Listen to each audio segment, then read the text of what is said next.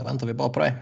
Då mina damer och herrar Toast har vi och säger hej och hjärtligt välkomna till ett nytt avsnitt av Svenska fans NHL-podd med mig Sebastian Norén, Niklas Wiberg och Robin Fredriksson. Niklas tittar i detta nu även på Arsenals Europa League-match. Så vi får se om vi kan få något vettigt ur honom idag. Lacazette så så nära att få ett. Ja, vi, eh, vi får se vad som händer här. Vi ska gå igenom det senaste som hänt i världens bästa hockeyliga. Vi ska ta oss en närmare titt på andra rundan av slutspelet, prata upp konferensfinalerna, ta en liten titt inför VM också. Och sedan självklart era lyssnarfrågor. Som vanligt stort tack till er som har skrivit in till oss. Så vi tar och hoppar in i nyhetsflödet här. Så eh, Ken Holland blev ju bekräftad som GM Edmonton. Man hade hans eh, snälla presskonferens och allt sånt där smått och gott. Och det står klart att Ken Hitchcock inte blir kvar som tränare. Mm. Boo! Peter, mm. utan Hitchcock gör man inte utan ett uh, buande från Niklas. Okej. Okay. Ja, jag tycker om honom. Ja, men det är väl ganska... Men det är rätt väntat. Eh, naturligt. Det, det, det kunde ha varit naturligt också ifall Ken Holland sa... Eh, Okej, okay, jag är här, men vi har en erfaren coach. Låter honom köra på ett år eller någonting tills jag har hittat vem jag nu vill ha. Men det här tyder väl på att han kanske har något eh, ja, namn på hjärnan så att säga. Ja. Det började ju spekuleras direkt. Att, direkt. direkt att eh, Ken Holland kanske skulle försöka locka över Babcock från Toronto. Men sen gick ju Kyle Dubas ut och bekräftade att Babsan kommer tillbaka. Ja. Eh, och det skulle nog varit lite, lite långsökt. Men, det, men det är skoj ändå. Elliot Friedman och Jeff Marrax spekulerade ju det i sin podd ju. Third One mm. Thoughts, the podcast det här om att eh, kan man be andra lag om tillåtelse att prata med deras befintliga headcoach? Ja, vad säger man då liksom? Alltså, man... de, de pratade i Buffalos fall. Liksom, att, eh, om det nu är lite att det skär sig lite mellan Dubas och, och Babcock. De har Sheldon Keefe där som är jättehypad som Dubas har jobbat med tidigare och så vidare. Eh, att Buffalo hör av sig och liksom tja, får vi snacka med Babcock? Ja, måste väl säga nej liksom. Ja. Jättecrazy. Alltså, oavsett vad man står med sin nuvarande headcoach måste man ju säga nej. Annars så drar man igång någonting som man ja, herregud. Eh, liksom inte ligger i ens egen kontroll längre. Mm. Ja, men alltså det, är ju, det kan ju finnas en jävla regelverk som säger att man inte får göra det.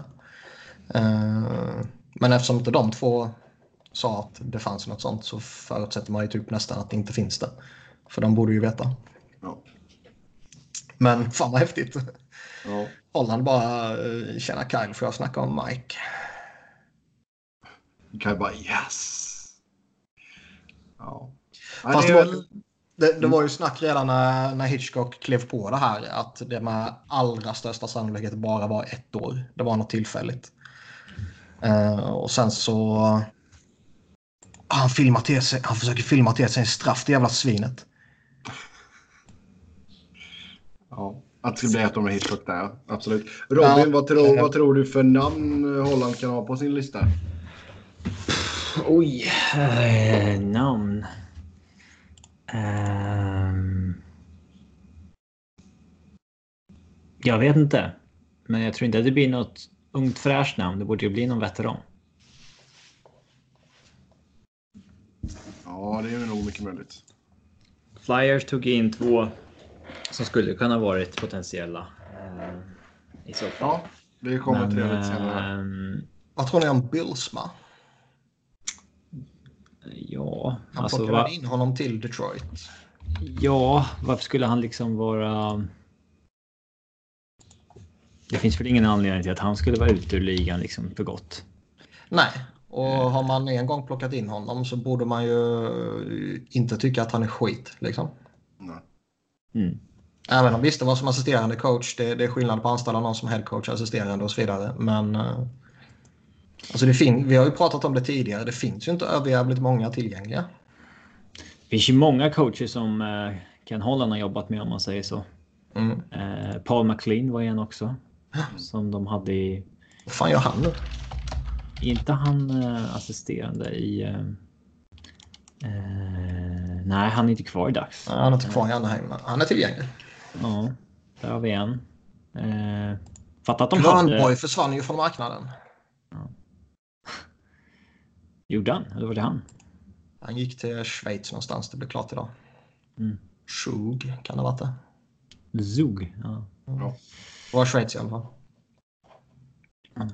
okej. Eh, men det känns inte som ett namn som Holland hade kört på ändå. Nej. Fattar många coacher Detroit har haft där alltså. De hade ju liksom Babcock med McLellan och McLean som assisterande ett tag. Mm. Men om han inte går med någon som han har jobbat med tidigare i Detroit. Ja, men det kommer... Nej, kommer. Tror du det? Ja, Du, du tror inte tippet kan ligga bra till här då? jo, visst. Det kan han väl. Han borde ju ligga bra till vid alla tillgängliga eh, arbetstillfällen. Men Känns det som han inte har snacket, det enda snacket som går om honom är att han trivs med det här Seattle-upplägget. Ja. Ehm, men vi ser ofta, vi, vi pratar om det lite då och då, man, man ser det ju hela tiden att liksom kontaktnätverket betyder ju allt i ligan. Mm. Det är ju sällan någon blir eh, anställd utan att känna någon. Och det- alltså när Blake skulle anställa en coach då var det liksom att ja, men alla har han spelat med eller spelat under. Ja. Och så är det, det, det, blir, det blir väl så ganska naturligt. Och är, är liksom, har, har man varit i, som i Ken Hollands fall, varit i, i ligan i 30 år eller vad det är och Känner man alla. 20-talet år som GM så känner du hela jävla ligan och har jobbat med hälften. Ja, då har en koppling till alla. En ny, det är klart att man utgår från sitt kontaktnät. Liksom. Mm. Det är ganska rimligt i Blakes fall. Då. Ännu mer rimligt blir blir det ju när man har kanske ett mindre kontaktnätverk. Oh ja. Ja, Edmonton blir ju spännande att följa här. Men eh, skulle väl säga att tipp- tippet skulle nog kunna vara en okej fit. I alla fall om man vill få in ett bra liksom, defensivt system. Alltså McDavid och Dreisaitl kan ju fortfarande göra vad fan de vill framåt liksom. Men eh, Ja, nej, men jag säger alltså, jag sa det var ju ett namn jag ville ha till, till Philadelphia så jag kan ju inte sitta här och sitta och såga honom. nej. Eh, Eller jo, det kan jag ju, men jag, jag kan inte. Mm, på tal om just Philadelphia, vi går vidare här. Där står det klart att Michel Therrien och Mike Geo blir assisterande coacher. Vem var det som med skulle... Holland kände du? Ja. Ja, jag känner att vi var klara med Holland där. Det handlade Niklas? bara om vilken coach han ska ta. Alltså. Ja. Alltså vi, vi, jag menar, vi snackade ju redan om Vi tuggade rätt mycket. Holland förra Ja. veckan. Jag vet inte om det är något mer man... eh, Han sa väl att målet är att nå slutspel direkt kommande år. ja, men han kan ju inte säga något annat. Mm. Det kommer ju också alltså- fram i och för sig här, här i samband med det kan ju vara faktiskt värt att, att nämna. Det kommer ju fram att eh, Oilers ägare har varit mer eller mindre dödssjuk i typ två år. Vem? Oilers? Oilers ägare. Mm. Att han har, eh, han har genomgått, en- vad var det, det var fan typ en handfull operationer eller någonting. Och, och har en operation framför sig fortfarande. Jag minns inte vad fan det var för någonting. Men det var liksom någonting som var superallvarligt och livshotande. Så det kan ju förklara eh, lite varför han kanske inte har varit jätte eh, synlig och engagerad och sådär liksom. Nej, nej, det är inte så jävla konstigt då. Verkligen inte. Men ja, som sagt, jag tycker vi tog det ganska bra med Holland förra veckan. Ehm, Ja, men det känns så.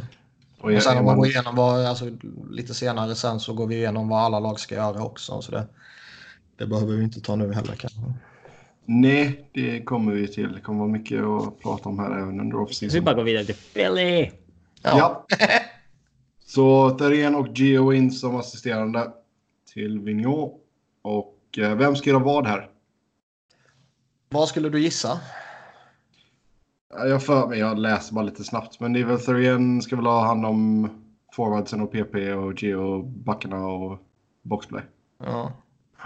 Vilket faktiskt är, det är fan intressant. Alltså grejen är, jag vill ju inte ha någon av de här som head coach. Men tycker det är lite spännande ändå alltså, som assisterande. De kommer in med, visst inte allting och, och liksom bla bla bla. Men ändå 2500 matchers erfarenhet de har på den där bänken. Det sänder ändå någon form av budskap liksom att nu, nu ska vi inte tjufsa med, med folk som inte har gjort det här innan. Nu, nu går vi på, på rutin liksom. Mm. Sen är det ju alltså Flyers-fans, ofta mig inkluderade, är ju dumma i huvudet. Man skriker om att laget spelar för soft och man skriker över att laget är dåliga defensivt. Och sen anställer man en assisterande coach som, är, som kräver att laget spelar motsatsen till soft, det vill säga hårt. Och som, sett, och, som är defensiv i, sin approach då i Ferrien. Och så gnäller man över honom. Ehm, um, man har ju jättemånga år gnällt över att man behöver ta influenser utifrån Flyers-familjen. Och nu har man verkligen det. Och man gnäller även över det liksom. Uh, sen är det ju lite fascinerande just med alltså, om man plockar upp de där två och tänker vilka arbetsuppgifter de ska ha så är ju den spontana tanken precis tvärtemot vad de faktiskt kommer få. Ja, det känns ju som Terrien som defensiven och mm. Geo som forwards, men tvärtom. Men sen samtidigt är det lite så, alltså tittar man på vilka... Eh, alltså, om det är en styrka som Vigneault har så är det att han anpassar sig utefter vad han tycker han har tillgång till. Uh, han spelade på ett sätt med Vancouver när han hade Sedinarna som ledde laget och sen spelade han på ett annat sätt i, i Rangers när han hade uh, Henke och försvaret att, att luta sig mot. Liksom. Eh, nu har man ju några backar som är spelskickliga, offensivt lagda och gärna vill trycka på. Då sätter man Mike Joe som är lite mer eh, vad det verkar som att omfamna offensiven, att ta hand om dem. Medan man kanske har forwards som å ena sidan så är det många ansvarsfulla tvåvägsforwards och å andra sidan så behöver de bättra på sin defensiv också och då sätter man Ferrian där. Lite, lite spännande är det ändå. Mm.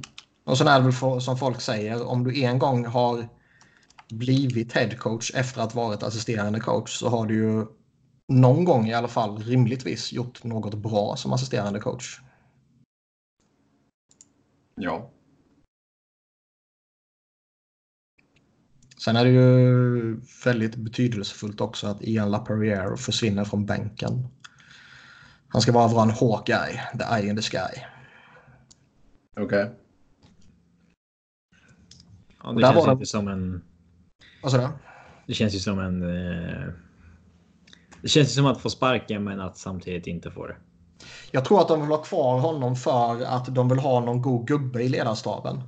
Jag vet när, när Ferrian har uh, skällt ut Travis Connectney och gjort sig ovän med Travis Connectney så kan Connectney gå till Lappi och, och gråta ut på hans axel. För Lappi verkar vara, han verkar vara duktig just på den biten. Liksom. Han verkar vara jävligt dålig på väldigt mycket, men just där får han väldigt mycket beröm. Som Berube en gång i tiden? Ja. Och... Eh, ja, det är viktigt att få bort honom från bänken. Mm. Yes. Men... Ja, så han ska vara analys från läktarhåll eller?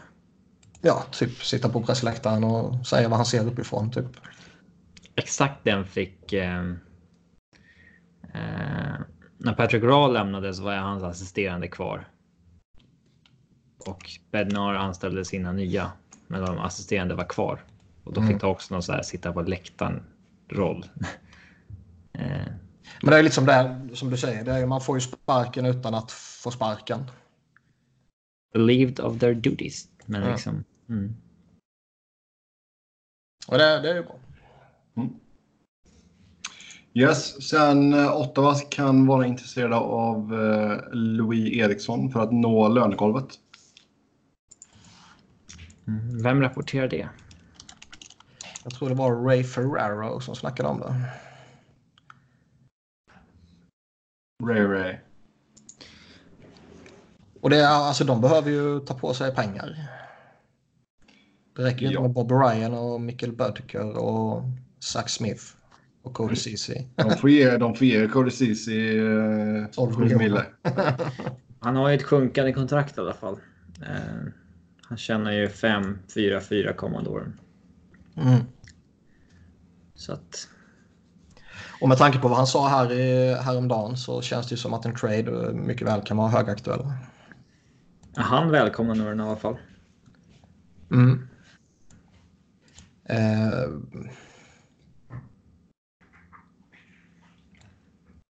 känns det som att han typ skulle kunna vara en nyttig spelare och ha bland massa ungdomar?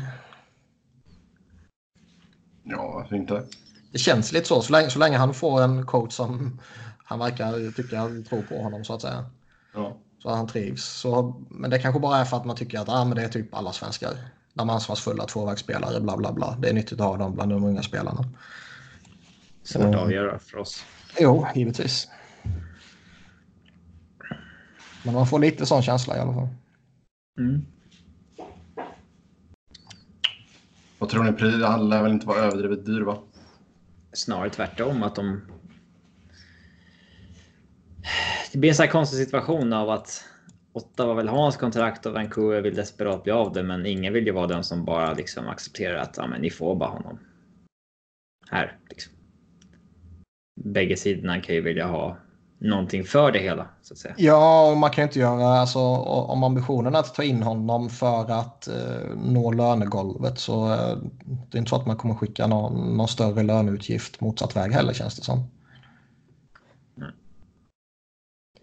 Eh, annars liksom vad, vad händer med Zach Smith som de ibland verkar tycka jättemycket om och sen ibland så hatar de honom. Mm. Visst, skicka han till Vancouver och till en Louis Eriksson så fördubblar du golvet på cap, kommande år? Liksom... Jag minns inte vad det blev. Mm. Sen Charlie McAvoy stängs av en match på grund av huvudtackling på Josh Anderson. Så han missar första matchen här som är i natt. Boston tar emot Carolina. Ja, alltså... Vad fan ska man säga? Eh, det är klart att han ska ha mer än en match. Men det är också eh, slutspelet, vilket innebär att en match är i konferensfinal. Förmodligen är motsvarigheten till typ tre matcher i grundserien. Och det är ju där de lägger sig. Ja. Ja, sen är alltså, vi har pratat om det här med våld mot huvudet väldigt många gånger, men det, det känns som att där, det är någonting du måste gå in och verkligen ändra i regelboken. Alltså det, du, du kan ge en... Du kunde inte ge han en major för den. Du kan ge en tvåa och sen ge en matchstraff, men du kan inte ge han en, en femma. Mm. Uh, vilket känns väldigt konstigt. Varför kan jag inte få en femma för? Det ser man ju hela Jag kom- tiden. Jag kommer inte ihåg vad det var, men det, det stod... Det var många som länkade det. Jag tror Dan Rosen bland annat. Um, Nej, det var något hur reglerna formulerade. Jag minns inte exakt Ja. vad heller. Men varför skulle... Men varför? Vad? Det måste ju matcha varje, varannan match. Varför skulle det inte kunna vara det där? en matchstraff kan det ju vara. Men du, Ja, kan men inte ge, femma såklart. du kan inte ge en femma.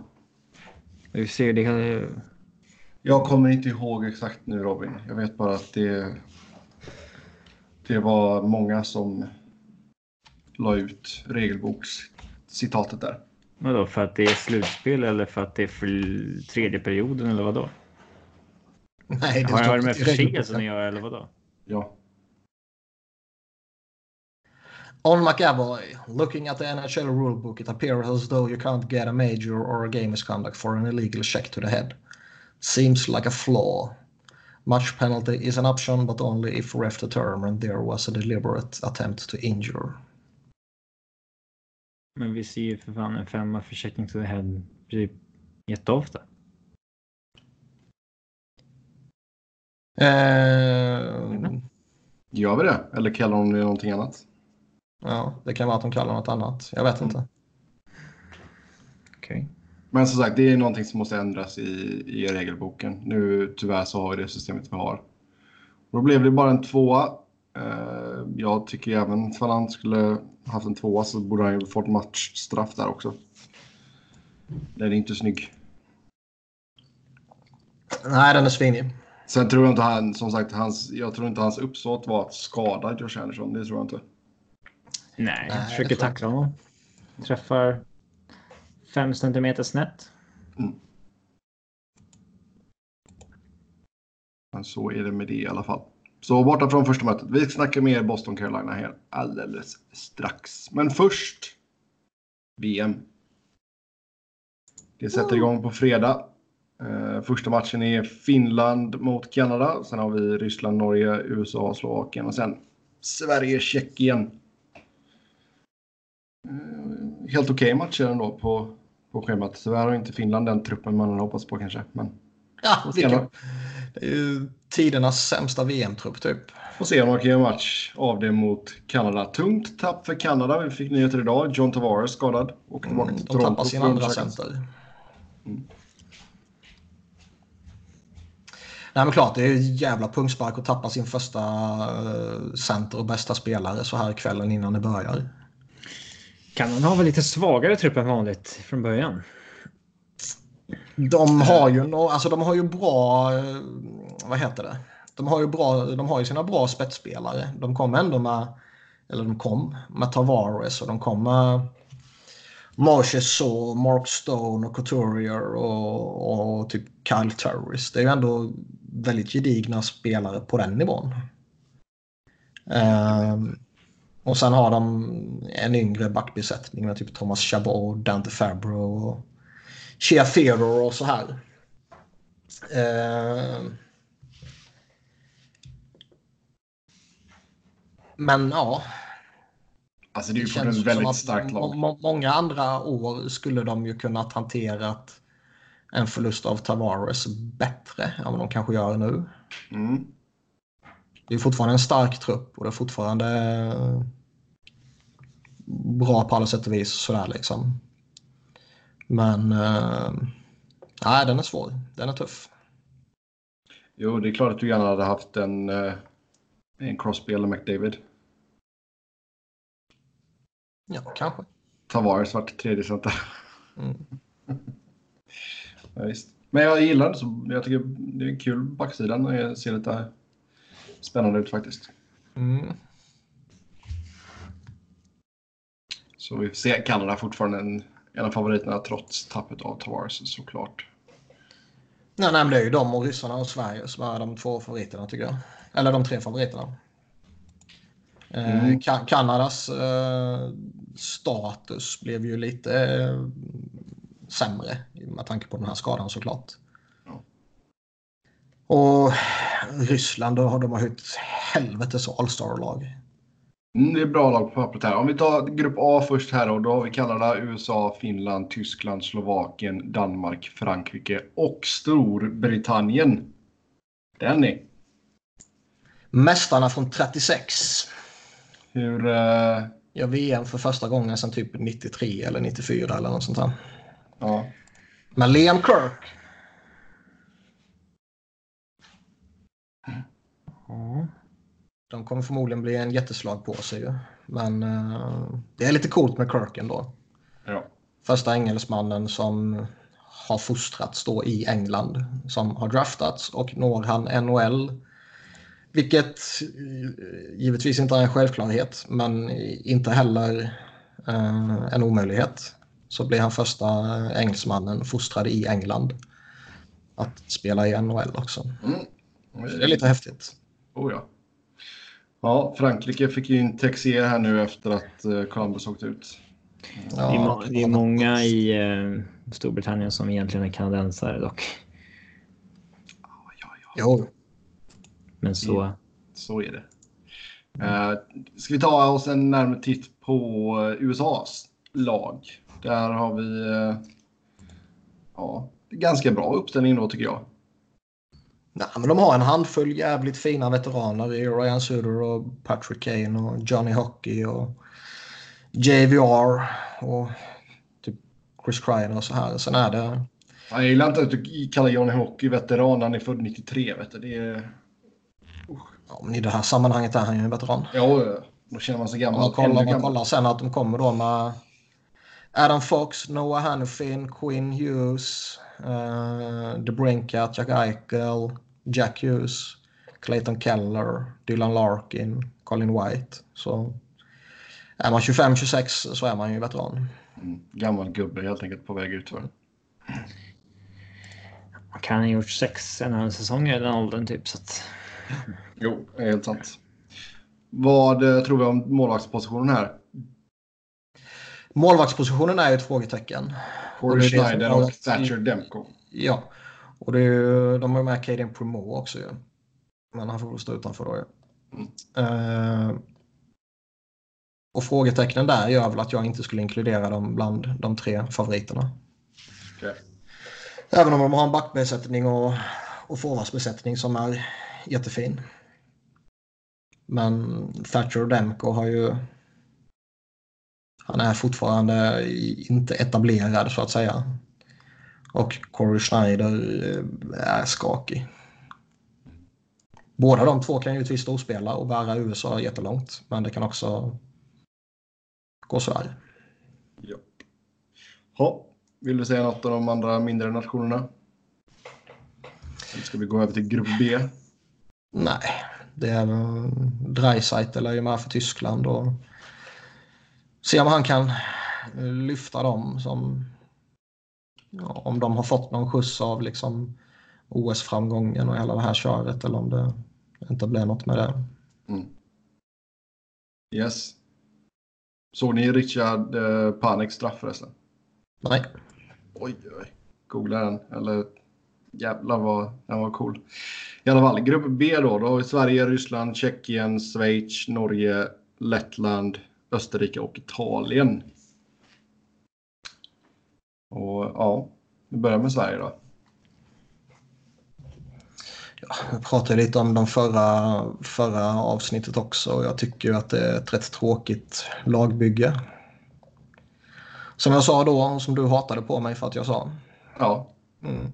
Jag tycker fortfarande att du har fel. Och den blev inte direkt roligare när de plockade in Alexander Wennberg. Nej, Wennberg det känns som in. många får en gratisbiljett bara för att de spelar NHL. Ja. Typ Marcus Pettersson som vi sa förra gången. Ja. Ja, men där tycker jag att ni har fel. För Marcus Pettersson har varit bra. Det är klart att han är bra. Det är väl alla det är klart, är, spelar man i NHL så är man bra. Det är en självklarhet. Men uh, han är inte bra. ja, han kommer att göra sig mycket bra i tredje backval tror jag. Han ska spela med Robert Hägg. Du får fan inte förvänta dig allt för mycket nu då. Ja, men så länge Hägg kan ge han pucken. Så... Ja, det, han kan ju inte det heller. Okay. Nej. Jag klämmer jag, jag, jag, mig fan på att Hägg kommer göra sånt jävla super-VM nu. Och så kommer alla bara uh, tro att han är bra på riktigt igen. Åh, oh, 2-1! Lacka, lacka, lacka! Jag kan absolut tänka mig att om... Eh, när Söderberg spelade VM efter sin katastrofsäsong i Elfs, då var ju han superdålig i VM också. Eh, kan ju tänka mig att Alexander Wennberg kommer väl ungefär med samma självförtroende just nu. Mm. Som, ja, alltså det beror ju helt på, på, vilket, på vilket sätt man kan ta det på. Alltså, Wemba hade ju en tung säsong. Absolut, blev petad en del, fick lira några matcher i slutspelet. Men... Eh, mm. Ja, men und, undrar lite vad det är som har hänt där, verkligen. Men... Eh, Fan vad fin han är, Lacazette. De som ska leda offensiven är ju den, den yngre generationen. Mm. Nylander, Elias Pettersson, Ja, Wennberg då i viss mån antar jag. Eh, Lindholm får man väl inkludera. Ja, det är snudd på. I sammanfallet också med tanke på att han slog igenom denna säsongen först. Mm. Eller alltså på fulla snabbt. Break, ja. Mm. Mm. Han har gjort sex säsonger i NHL. Mm. Ja. Han fick ju också det här fina miljöombytet som eh, vissa spelare kan behöva. Ja. Men det Vad, tror du, vad tror du om Oskar Lindblom då, om du ska få vara lite Flyers-homer här? Kan jag få dig att säga någonting positivt om honom i alla fall? Men de har ju, alltså, de har ju flera spelare så där som kommer gå in och göra sitt, sitt jobb och vara duktiga. Lindblom är ju en sån.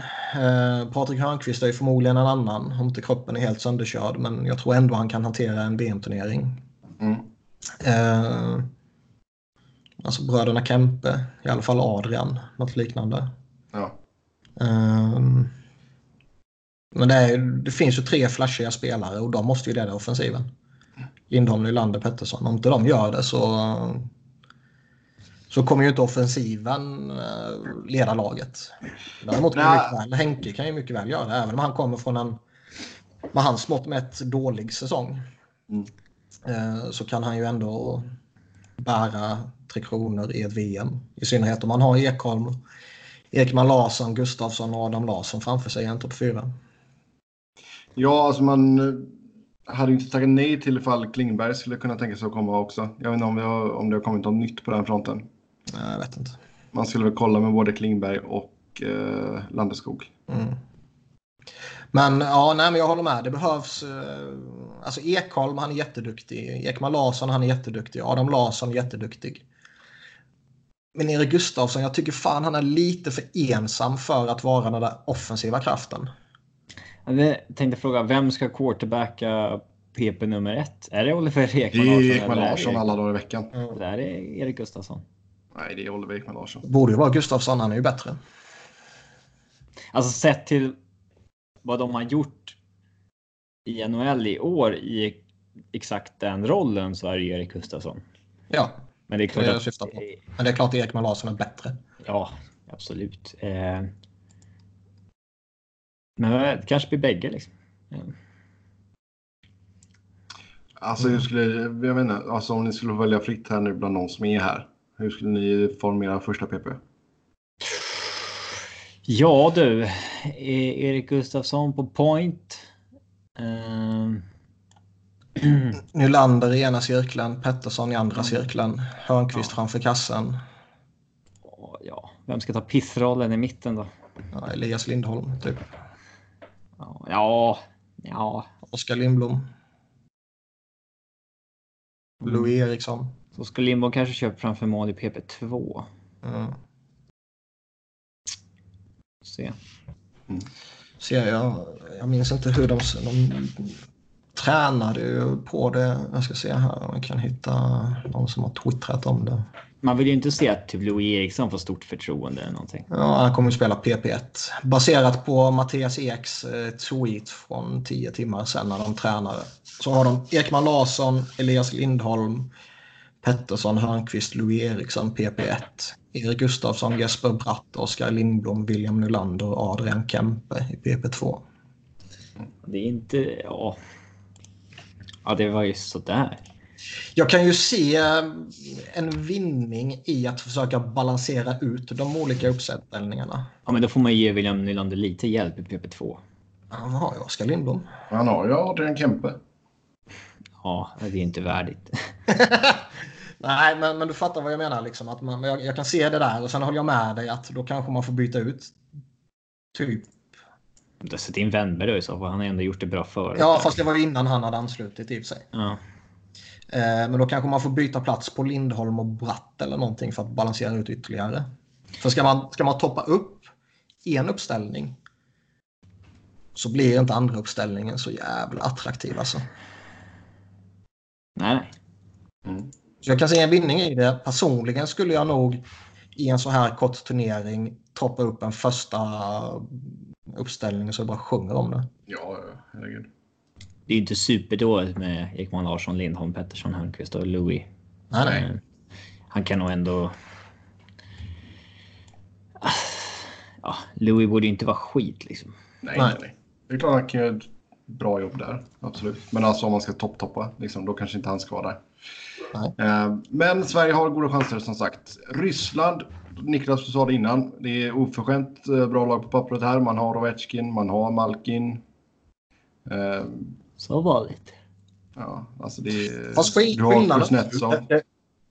Jag, jag, jag brukar tycka att VM är så jävla tråkigt för att det är sk- skitspelare eller NHL-spelare som är ledsna och slutkörda och inte har hunnit vila. Liksom. Men nu ligger det lite senare än normalt.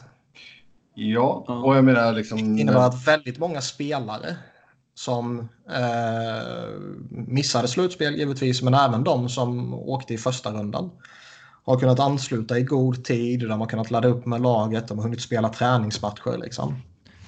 Eh, istället för att man ansluter direkt efter säsongen tar slut. Man eh, är jetlaggad och det är tidsomställning och det är slitna efter flygresa och skit. Och sen direkt ska man in och spela match. Liksom. Då var det inte konstigt att det kom in en superstjärna och sen gör han ett plus ett på fyra matcher. Liksom. Det var lite charmigt sådär också när, när det var VM. Du vet, Foppa flögs in och han hade inte fått utrustningen i tid. Spelade i Mattias Nordströms skridskor som var två par för stora och sådana grejer. Ja, nej, det finns ju en superskärm i det. Jag håller med dig. Ja. Men, men eh, och det, det var allt det liksom. I alla fall när jag var yngre så var det alltid jävligt spännande att, att se vem som blev utslagen för att liksom och sen sitta och följa om han skulle komma eller inte. Men numera skiter jag i det. Jo, men det behövs ju inga privatcharter här nu direkt. Ehm, I alla fall inte för, inte för ryssarna. För som sagt, alltså... Bra lineup de har. Ja, alltså det är ju, du har ju Tampa-trion i Kutjerov, Vasilevski, Sergachev. Alltså, det, det, på pappret så känns det ju detta som det absolut starkaste laget. De tappar ju Ivan Provorov.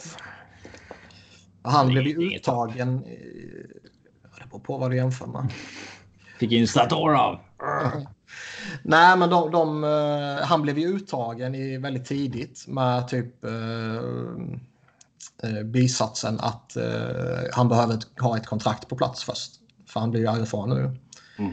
Ja. Vilket gjorde att man fick känslan att jaha, han är uttagen, då är det bara en formalitet innan kontraktet är klart. Men så verkar ju inte bli fallet och han är ju inte med längre. Nej. Borde vara men- samma som med Sadorov då. Han är också RFA. Ja, fast han bryr sig Fast, nej, Sadorov kommer ju och så Gavrikov. de kommer, de kommer väl skriva olika stora kontrakt också kan man gissa sig. Ja, Sadorov ska jag ha mer. Men alltså de, de har ju en fantastisk målvakt i Vasilevski och sen har de Dmitri Orlov och Sergachev är ju två riktigt fina backar. Det är lite sen- en, det är en ung backsida. Eh, Det är inte de här gamla Nikulin och de här vet, ryska veteranerna som alltid var med. Spelar han ens? Eh, Jag tyckte han var så jävla bra. Och synd att han aldrig testade på NHL. Ja, vi hade ju eh, Belov. Eh, Han spelar i Dynamo Moskva. Ja, Ja, Belov spelade. Nej, Nikulin menar jag. Ja, ja. Eh, 37 bara. med Medvedev också. Just det. Han var ju en- den andra. Ja, ja. Flyfloppen. Ja. Flyers, ja. Ja, men nu får man som sagt in Sadorov och eh, Gavrikov också. Men den jävla forwardsbesättningen, den är, den är snuskig.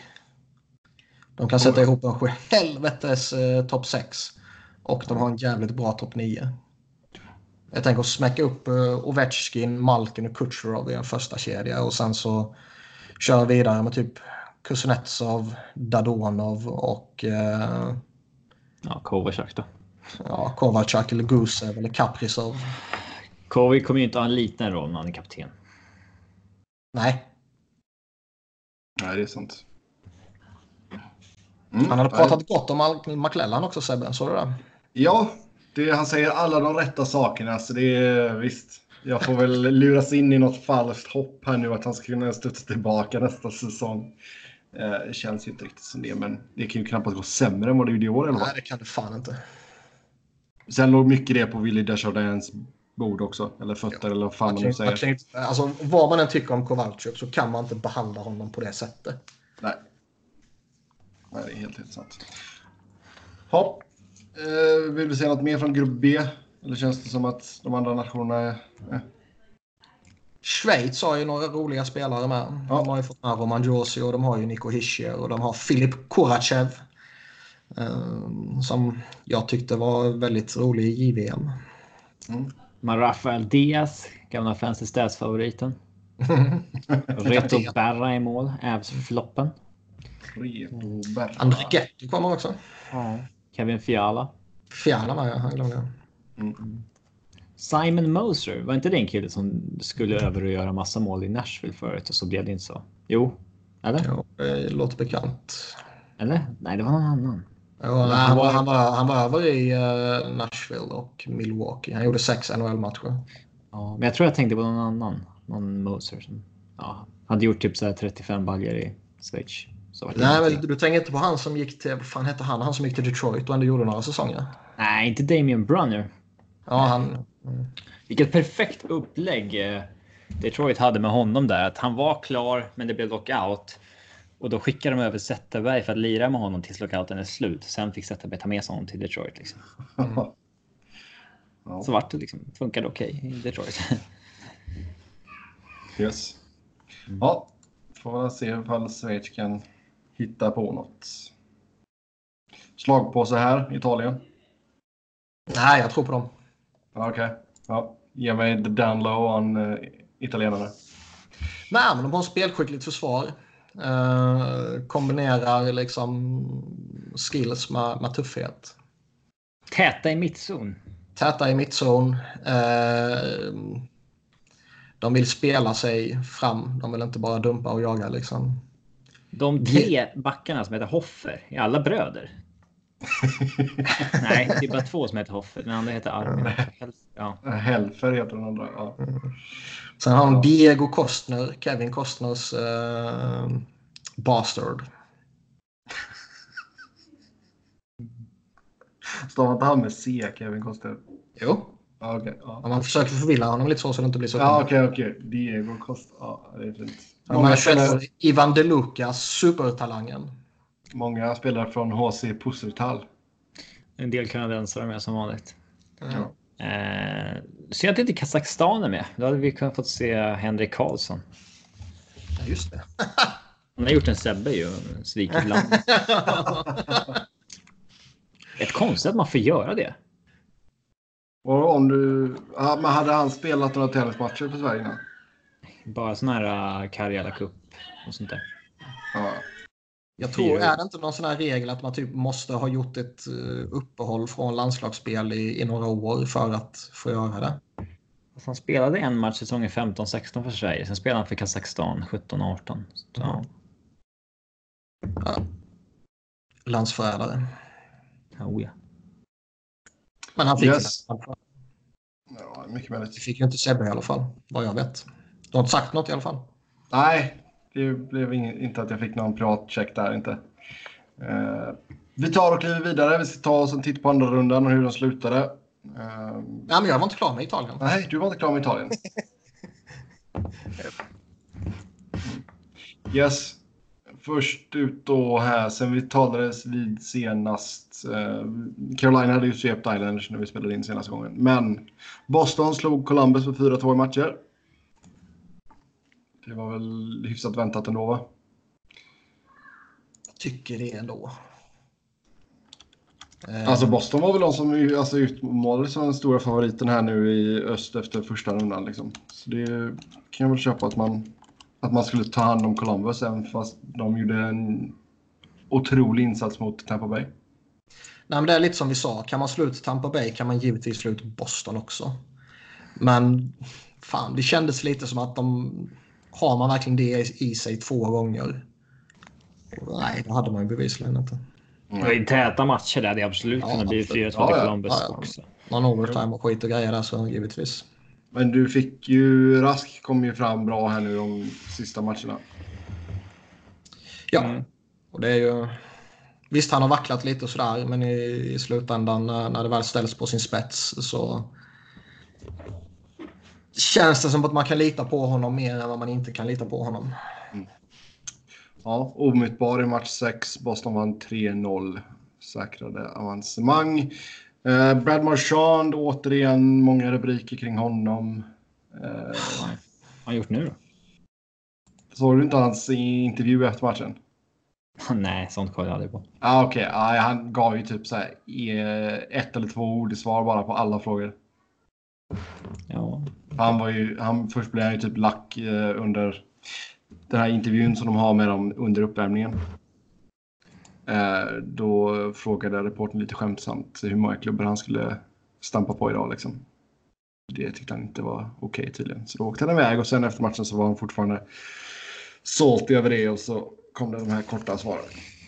Men jag, jag kan liksom tycka om man gör sån här uh, dum grej under uppvärmningen liksom. Då, då kan jag tycka då är det helt fair för spelarna att bara vända sig om och åka därifrån. Uh, där, där tycker jag fan där ska det vara eh, seriöst och professionellt från båda hållen. Och om någon bryter på det så har den andra rätt att, att göra det också. Liksom.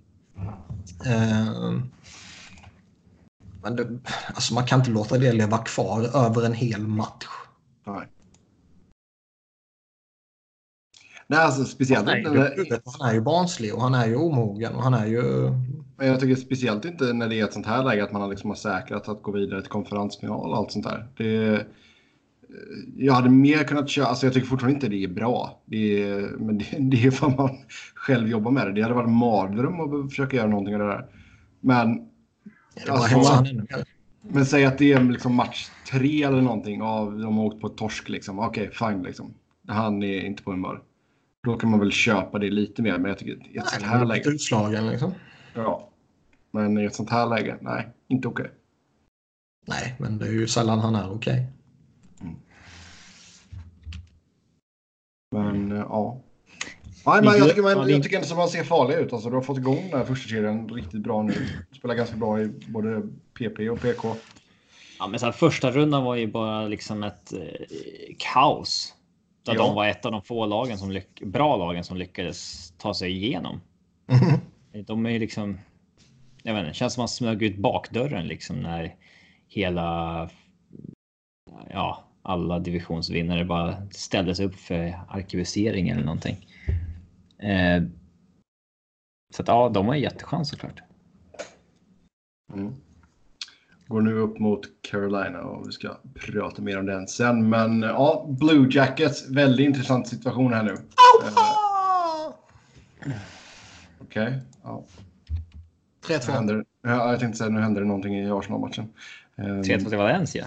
Nej, jag skrek ju Auba. Jag hörde inte vad du skrek någonting. Nej, inte jag heller. Men, men. Uh, vart var vi? Jo, Columbus. Mm. Kekkelainen var ju ganska rak i, i sin exit-intervju, eller vad man nu ska kalla det här, under sista dagen.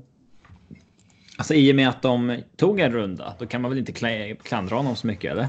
Nej, det tycker jag väl inte, men alltså du sitter fortfarande med... Panarin lär ju gå. Bobrovski lät det som han definitivt kommer gå. Han pratade ju redan i liksom past tense. Uh, även fast engelska inte är hans första... Fast nej, men det lät, det lät ju lite som att Panarin eh, också gör det. Bara det att han uttryckte sig lite mer uh, diplomatiskt. Ja, du menar med, genom tolken ja. Mm. Ja. Uh, sen Matt Duchene, han har i alla fall sagt att Columbus definitivt kommer med i konversationen. Han lär Fast ska de vara det? Då ska de skicka en första runda till. Fast det är ju som vi pratade om innan. Jag, jag, jag tycker det är svårt här med Columbus. Å ena sidan liksom var det värt det för det här? Å ena sidan superviktigt för dem att, att få någon form av framgång med tanke på vilken jävla förlorarorganisation det är. Man sveper Tampa Bay, gör historiskt, man tar sig vidare till andra rundan för första gången och så vidare. Liksom. Superviktigt tror jag. Å andra sidan så eh, har man inte åstadkommit ett skit. Alltså, att betala en första runda till för att få behålla Duchene, det tycker jag är ganska lågt pris. Ja. Jag vet inte vad jag tycker. Å ena sidan så jag, jag, jag är med på vad du säger och jag säger absolut inte att du har fel. Samtidigt så eh, vad är rätt? Är det rätt att plocka in honom eller? Är det ännu viktigare att behålla honom när man tappar Panarin och Bob? Eller ja, alltså. Liksom... Jo, men det är det som är grejen. Alltså, ta, ta, om vi förutsätter att man kan argumentera för tvärtom också. Ja, ja men... man kan argumentera åt båda hållen. Det är det jag menar. Säg att du definitivt tappar Panarin och Bob här då. Det är ju inte så två av de stora liksom, ansiktena utåt. Duchene skulle ju ta en av de platserna, absolut. Jag tycker han är ju fortfarande jävligt bra. Det, jag menar Robin, du har ju pumpat hans tires ganska ganska friskt här och det tycker jag han är välförtjänt av. Det är en riktigt, riktigt bra spelare. Och de Ja, ja. behöver ju någon sån fixstjärna. För jag tycker inte, Du- Dubois är inte riktigt där. Alltså potentialen finns. Men han är- hjälp. Ja, han är inte riktigt där. Ken, Ken Atkinson, alltså han är ju gediget bra alltså. Men det är ju inte heller en, en kille som kan skapa allting själv. Men det känns som att de har väldigt många, eller väldigt många, de har en hel del duktiga komplementspelare. Men de du behöver ju någon som en, kan leda det. Ja, du behöver Det en gör sån ju fix- inte Alexander Wennberg. Nej. Men Duchene är ju en sån, sån fixstjärna som du kan liksom bygga någonting kring, ha som ansiktet utåt. Jag Jag tycker ba, alltså Men, men sen backuppsätt, samtidigt, alltså, backuppsättningen ser bra ut. ja, jag håller med. Alltså då, bygga en backuppsättning som baseras på Zach Wierenski och Seth Jones. Du, du kan ju ha sämre förutsättningar. Oh ja. Eh, men det finns ändå lite... eh, Alltså, vilken status kommer laget ha nästa år? Hur kommer man hantera målvaktspositionen? Kommer man plocka in någon, eh, någon ersättare på Bob? Det har ju ryktats om Quick till exempel. Hur kommer han hålla i så fall? Eller kommer man satsa på det man redan har? Man har ju några intressanta målvaktsprospects till exempel. Ja, alltså du har ju Eh. både Mer- Merslins... Merslikins... Elvis, exakt. Elvis och eh, Jonas Korpisalo. Sen har man en ryss också. Se- Ser man skiter i att förlänga med vem? Eller med Duchene? Att man liksom... Ja. Då ska man typ ska man tvinga fram en tank med liksom Seth Jones och eh, Nej, det är ju det som är grejen. och och alltså det. Det är ju det som är grejen. Det är ju, det är ju typ det sista du ska göra. Utan du behöver ju den fixstjärnan. Så antingen så signar du Duchene eller försöker signa Duchene så man får ju förutsätta på att Kekalainen kommer göra sitt bästa för att det ska hända liksom. Eller så måste du ut och hitta det på öppna marknaden. Eh, liksom finns det så jävla mycket att hämta där? Realistiskt sett till Columbus liksom. Nej. Och det är inte så att det är lag som bara, ja men här, ta våran fixstjärna. Vi, vi behöver ingenting vettigt i utbyte liksom. Det är, nej. Men jag håller med. Alltså, det, det finns ett behov av, dem, eller av honom. Men Alltså, jag tycker också singel- liksom att Ja. ge upp den här första rundan när man redan har utarmat laget sådär. Det är, Jo, men väldigt lite till för att få väldigt Ja. mycket tillbaka kommande åren. Ja, förmodligen, men kommer det göra någon skillnad? Det beror på lite på vad man gör i övrigt. Alltså jag tror med Duchene så kan du fortfarande satsa på att vara alltså ta, ta dig tillbaka till slutspelet. Ja, alltså har du man Duchene och men- Dubois som core pieces med alla bra komplementspelare de har, Atkinson, Jenner och ja, Texier Anderson. och ja. Och Det är klart man kan, men det är ju ingen försvar med- självklarhet. Ingen vadå? Det är klart att man kan satsa på att komma tillbaka till slutspel och det är klart att det är goda förutsättningar för att bygga vidare. Men det, det är ju liksom inget, inget självklart slutspelslag. Nej, det finns ju typ två självklara slutspelslag i ligan. Ja.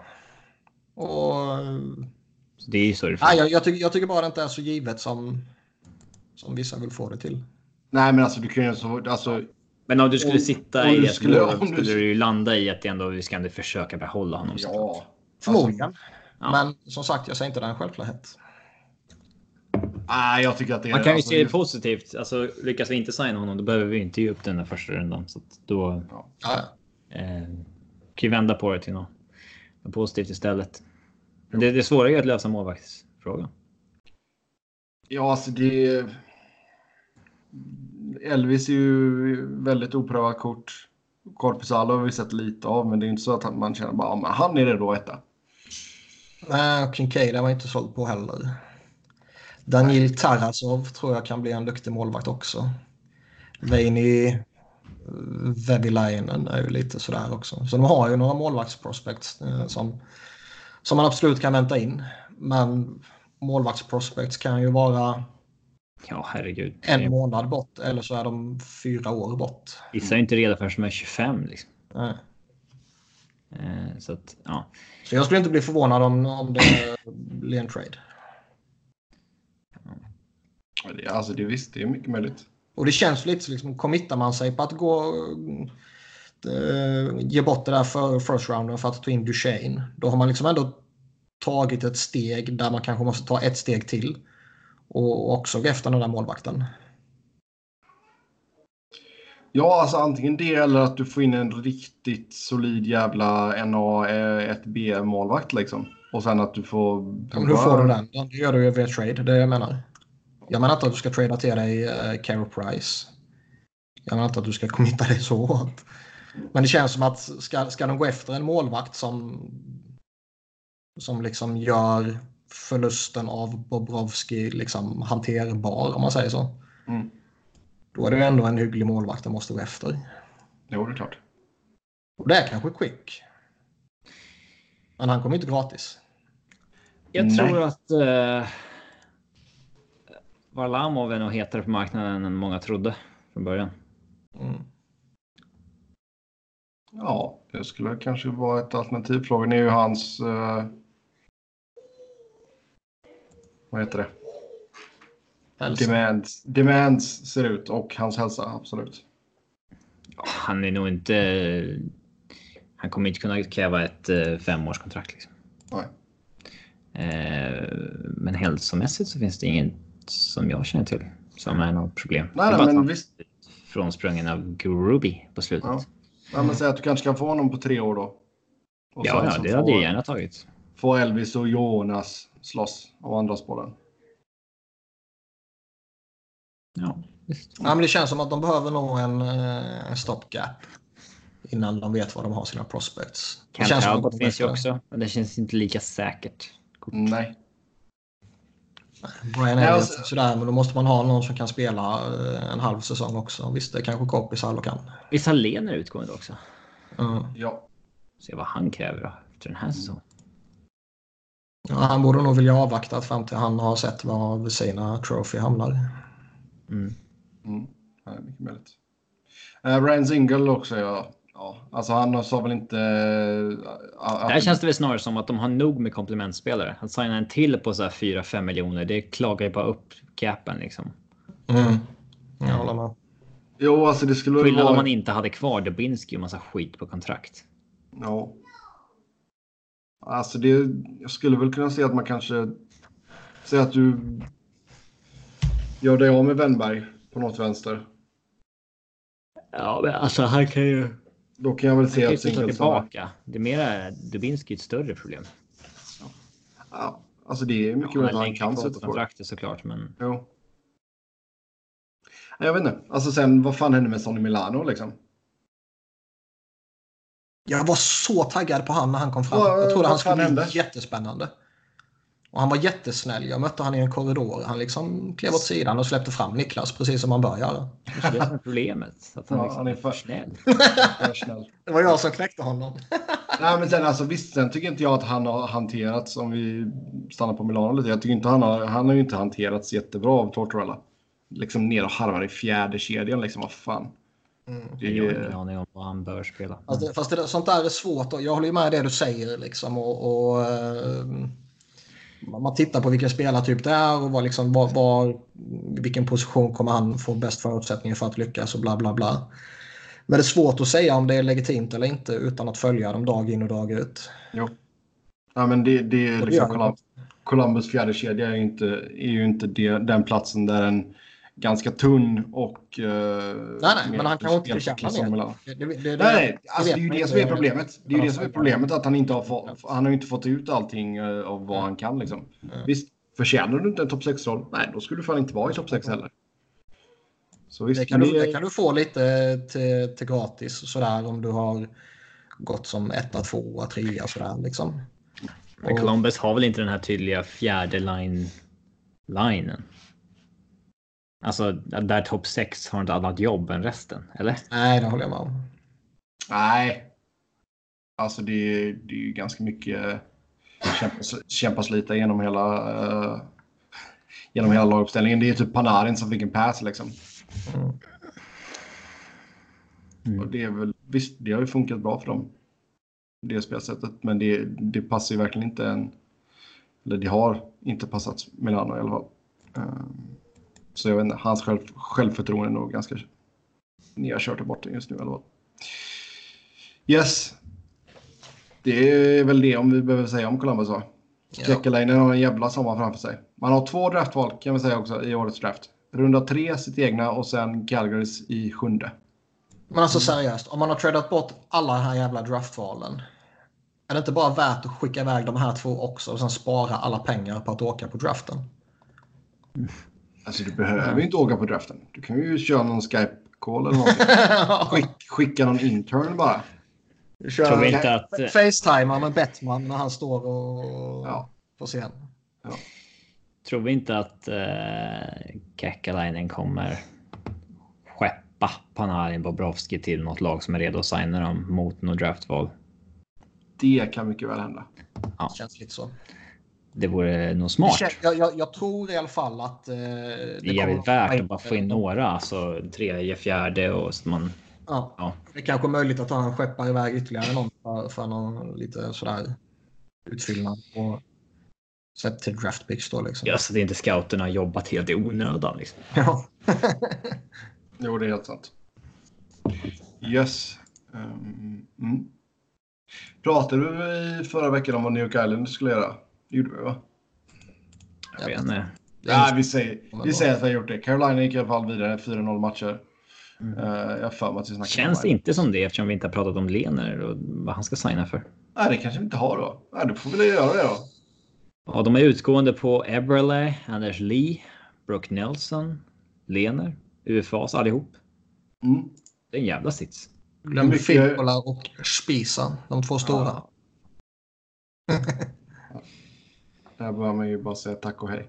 Eh, Det känns ju som om alltså, deras tre stora forwards ja.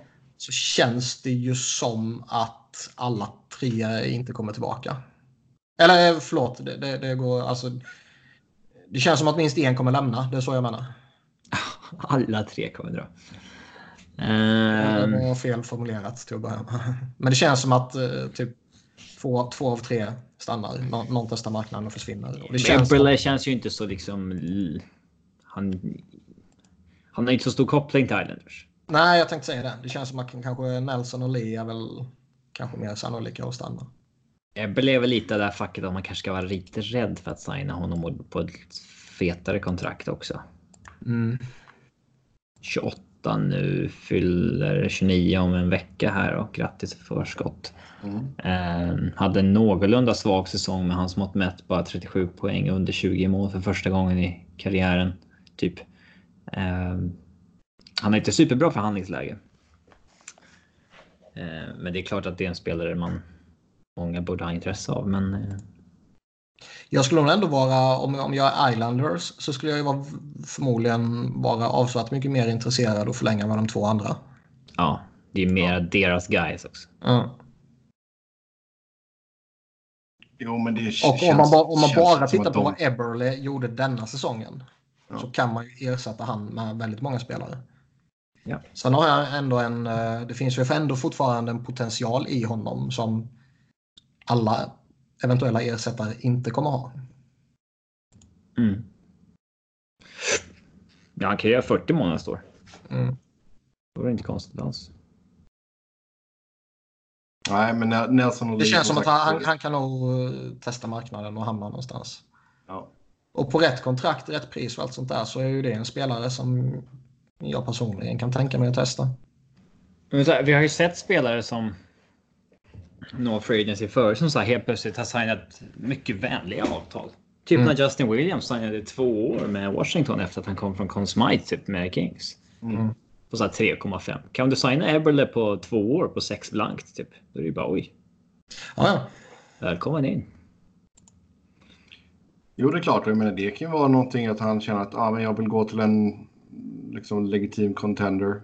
Jag kan behålla 6 miljoner, köra två år och sen skriva det feta kontraktet. Liksom. Mm. Så visst. Det skulle inte förvåna mig ifall han testar marknaden. Nelson och Lee, det lär fixa sig. Det, som sagt, det är de- deras killar här. Men Lener alltså, kom in på ett ettårskontrakt, en och en halv miljon cap hit. Nominerad till Vesna Trophy. Eh, liksom en av säsongens bästa liksom, stories ändå. Hur han har kommit tillbaka och hittat sitt spel efter sina... Det känns ju ändå att eh, han kan ju inte sitta i en sämre sits Om man menar vem det är han förhandlar med.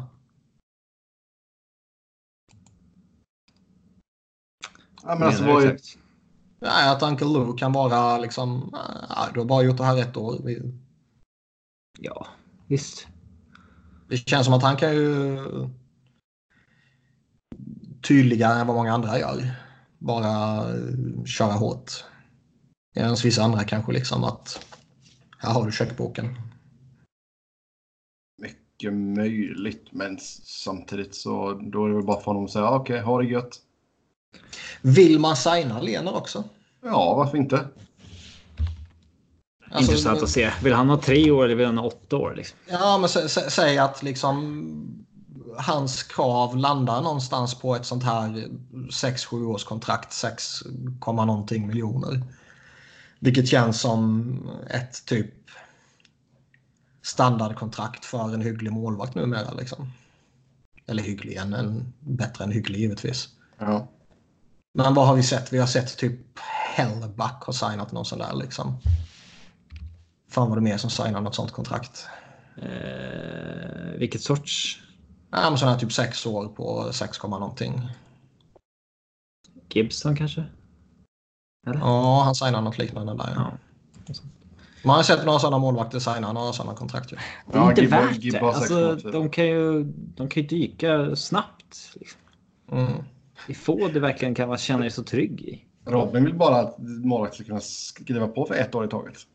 Mm. Det borde fan stå i nästa CBA. Ta en jävla lockout för att målvakter bara får signa ett år. Ja. Men att man då, de kan signa för hur mycket eller hur lite som helst. Så man kan signa dem till 25 miljoner om du har det utrymmet. Ja. Måste Kaos. nå golvet. Åtta var Ja. bara upp med. Ja. Nej, men det är klart att Lene skulle ha stort intresse kring sig. Sen vet jag inte ifall han, han verkligen kommer att begära 6 gånger 6 liksom. Aubameyang. Matchen är över nu. Liksom. Ja, 88 minuten.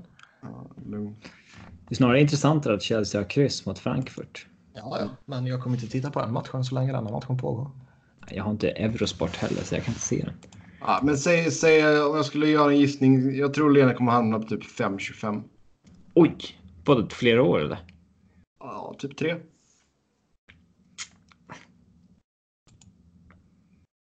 Han är det skulle, alltså. det skulle vara ganska fair för både Islanders och för Robin liksom. Jag tycker, ja, han är svår. Han har ju liksom, å ena sidan har han visat Alltså gl- glimmat stundtals både i Ottawa och, och Buffalo men inte fått ihop helheten och nu kommer han dit och allting bara träffar perfekt. Det känns som att det har gått lite för bra för att vara sant eller är det bara så att han blev av med demonerna och, och äntligen kan leva ut till sin fulla potential. Ja, jag tror det är mer äntligen. Ja, men han är ändå 27 bast liksom. Jo, jo, men vad fan. Det är väl ingen Jag ålder. vet fan. Nej, det är det ju inte i sig, men han börjar ändå bli gammal. Jag menar, vi snackar ju om, vi snackar ju om Columbus liksom målvaktstalanger och de är 25 liksom. Så, men ja. Han är svår, det han. Så Han är skitsvår. Jag vet, jag vet fan inte vad jag skulle gjort. Liksom, man kan ju inte släppa honom. Tänk om man släpper honom till free Nej, nej, nej. Det... Så håller han den här klassen i fem år till. Liksom. Ja, ja, visst. Ja. Och liksom Rangers Calgary signar honom och ja, eller något sånt där. Och han bara leder sitt nästa lag till en cup. Alltså då är, det kan man inte göra. Nej. Och man vill ju inte signa honom till ett Bryskalov-kontrakt heller. Där man liksom märker att oj, vad fan har vi gjort? Det här var inte bra. Nu måste vi ta oss ur det här på något sätt.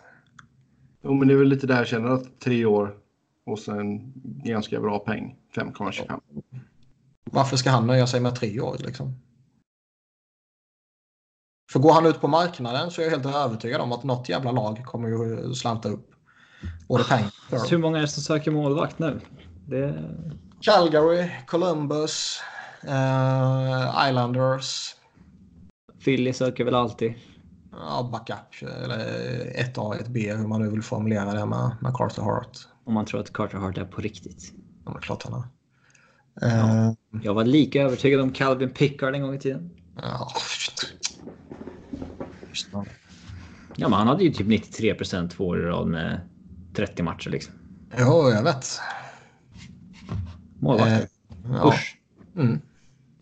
Fan ta alla målvakter förutom... Man borde inte ha samma rättigheter som andra i samhället. Nej! Borde inte få äga hus och sånt där, bara hyresrätter. För man kan inte Alltså, lita det på här- dem. Det här Man kan inte lita på målvaktshatet alltså. Mer kärlek åt målvakter. Eller fan, ta bort hjälmen från dem igen. De får fan spela utan hjälm eller någonting. Ja. Nu eh, pratar Robin i natt med sån här. Vi eh, tar och går vidare. Ut till Western Conference. St. Louis slog Dallas med 4-3 matcher. Japp. Ja. Match 7 OT, det gillar man alltså. Ja. Två perioder. Men eh, det var ingen snack om att det bästa laget vann i den matchen. Fan hade St. Louis i skott från efter första perioden? Typ 31-3 eller någonting. Helt sjukt. ja. Eh, De har ju John Hamm på sin sida också. va? Skådisen. Vet jag vem det är. Men eh, Från Mad Men. vet ej vad det är. Ja, gud. Eh, det sitter ju skådisar på alla läktare. Vad är grejen med det? Liksom? Ja. Han suger jävla sopor. Va? Ja, Valencia ska bråka med Arsenal. Osportsligt. Ja. Skulle Flyers aldrig göra om man torskar. Nej, Ja, exakt. fan. Göra det med värdighet. Ja, men visst. Det är lite cool story här. Pat Maroon gör mål också i andra övertidsperioden. Det var ju... Var det Friedmans podd också? Det var det nog. Där de tuggar lite om, om, om Maroon. Det här liksom att eh, ingen ville ha honom. Han fick typ själv plocka upp telefonen och ringa till Blues och säga liksom hej får jag komma hem? Det kan inte stämma. Nej, nej, men typ. Alla sa liksom. att han signade för en disk. Han kan inte skit Jo, där. Men, men han signade väl sent ändå? Det vet fan. Uh, jo, det gjorde han. Uh, vad var det jag skulle säga? Och sen så liksom har, har man inte fått ut vad man hoppades av honom i, i, i grundserien. Men han har klivit fram och, och liksom gjort typ nyckelmål för de här. Och att det då börjar pratas lite om att äh, men är du GM så måste du bygga två lag i ditt lag. Du måste ha ett lag för grundserien och sen måste du ha ett lag för slutspelet. Att det är liksom vissa som är slutspelsspelare. Ja, det hörde jag. Tyckte det var lite larvigt. Ja, ja, ja, det tycker jag med. Jag håller med dig. Men jag vill ändå drifta frågan. Om det var Ja, något... min dom är att- det är larvigt. Ja. Ja. Det är mer en slump. Alltså det är så här, det är snarare det är bara att det är kortare sample size i slutspelet. Slumpen har en större faktor. Det handlar inte om att... Alltså... Om du som Tampa, det är inte så att det var så att de inte hade ett slutspelslag. Det var ju slump. Slump, skador, avstängning och lite slump igen. Ja, alltså. Vissa matcher var ju tajt, täta, men det var lite. Alltså som, som vi sa då. Att Columbus vände 0-3 till 4-3 första matchen. Det, det satte några spår alltså. Då var det nervöst i, i Tampa och. Ja, liksom en vecka där allt går åt helvete. Det kan hända vilket lag som helst. Jo. Eh, så det, det handlar inte om att. Att vara ett slutspelslag eller inte. Nej, jag håller med. Yes, eh, Dallas då. Vad ska man hitta på här under sommaren och framöver? Ja, man förlänger nog inte med Jason Spezza. Nej, Han spelade åtta minuter eller någonting i KD när man hade spelat fyra perioder. Han har ändå steppat upp lite i slutspelet här. Han har fått spela PP2, gjort det, det är bra. Ja. Men liksom spela fjär, fjärde kedja eh, i 5 mot 5. Eh, Han har ändå gått in och pytsat något, något mål här och där och, och bidragit lite och sådär. Så han har inte varit... Det känns som att han har varit bättre i slutspelet än vad han var eh, i säsongen. Och det kanske är något sånt här att eh, han börjar bli lite gammal. Ja, exakt. Nej, men han börjar bli lite gammal och, och kanske inte hanterar en, en hel grundserie och ett slutspel längre. Och får därför cruisa på ett annat sätt genom grundserien för att veta vad som... Att han vet vad som kommer så småningom. Mycket möjligt. Men ja, eh, alltså, ska han stanna så måste du bli på... Eh, två miljoner liksom. Ja, ja, heavy, heavy, heavy discount. Nej, det är inte discount. Utan Nej, det är inte discount utan mer Alltså- marknadsvärde. Det är snarare intressant. eh, Det är väl högst rimligt att försöka behålla Zuccarello i alla fall. vad var... Termsen, jag kommer inte ihåg. Jag hoppas att du skulle komma ihåg. Men eh, det var en var ju om de, om de, om de hade gjort mål i eh, Sudden där, då hade ju ett förstahundsval gått till Rangers. Ja, det var ju om de gick till konferensfinal. Men visst var Ja. det två conditional? Ja, men det ena var väl den första till om han... Om, var det om han resignar eller var det om Dallas vinner kuppen? Nej, e- en var ju om de går till konferensfinal. Ja, Och den andra, jag tror det var om han resignar. Men eh, det kan ju vara olika terms. ja, det är om han resignar ja. Då blir det... När som helst eller under en viss period. The third round selection in the 2020 NHL draft becomes the first round in the 2020 NHL entry draft should Dallas resign Zuccarello in the offseason. Så det, ja, Sen, ja. Då skulle man ju passa på att göra det direkt ju. För det är inte årets... Eh... Ja, men alltså, det är ju ett första om han resignar. Oavsett hur det formulerar sig på hemsidan. eh, Men eh, med tanke på vilken impact han hade så kan jag tänka mig att de är intresserade av att signa med honom. han är gammal dock alltså. Ja. Riktigt gammal. Nej, riktigt gammal är han inte. Han är 31 år. 32 här i, innan nästa säsong börjar. Man signar inte sex år direkt. Alltså de var ju inte skraja för att signa Radulov på ett sånt kontrakt. Ja, men då är det väl än mindre troligt att man gör med en till, eller? Ja, eller så har man redan visat att man inte bryr sig och så länge fitten är rätt. Ja. För de har ju, alltså kåren de har uppbunden med, med Ben och Seguin och Radulov är ju en äldre core så att säga. Mm. Och vad är då en mer eller mindre om man tycker att han har passat in så jävla bra. Jo, Jag kan Han absolut se att, att han signar något eh, inte lika långt och dyrt som Radulov gjorde. Men liksom typ fyra år på fem miljoner. 5,25. Mm. Ja, något sånt kan man säga. Yes. Eh, förutom Spetsa och Zuccarello så har du Ben Lovejoy, Roman Polak, Taylor Fedun som UFAs. Eh, sen Janmark, Brett Ritchie, Jason Dickinson, Esa Lindell och Julius Honka som RFAs. Ja. ehm, Man borde ju släppa de två gubbarna i alla fall. Fast Dallas vill ha en dålig back. Kan antingen Polak, Chris Russell eller någon, men de vill alltid ha minst en dålig back. Um, signade de Emil Djuse för att han ska gå rätt in i NHL tror ni?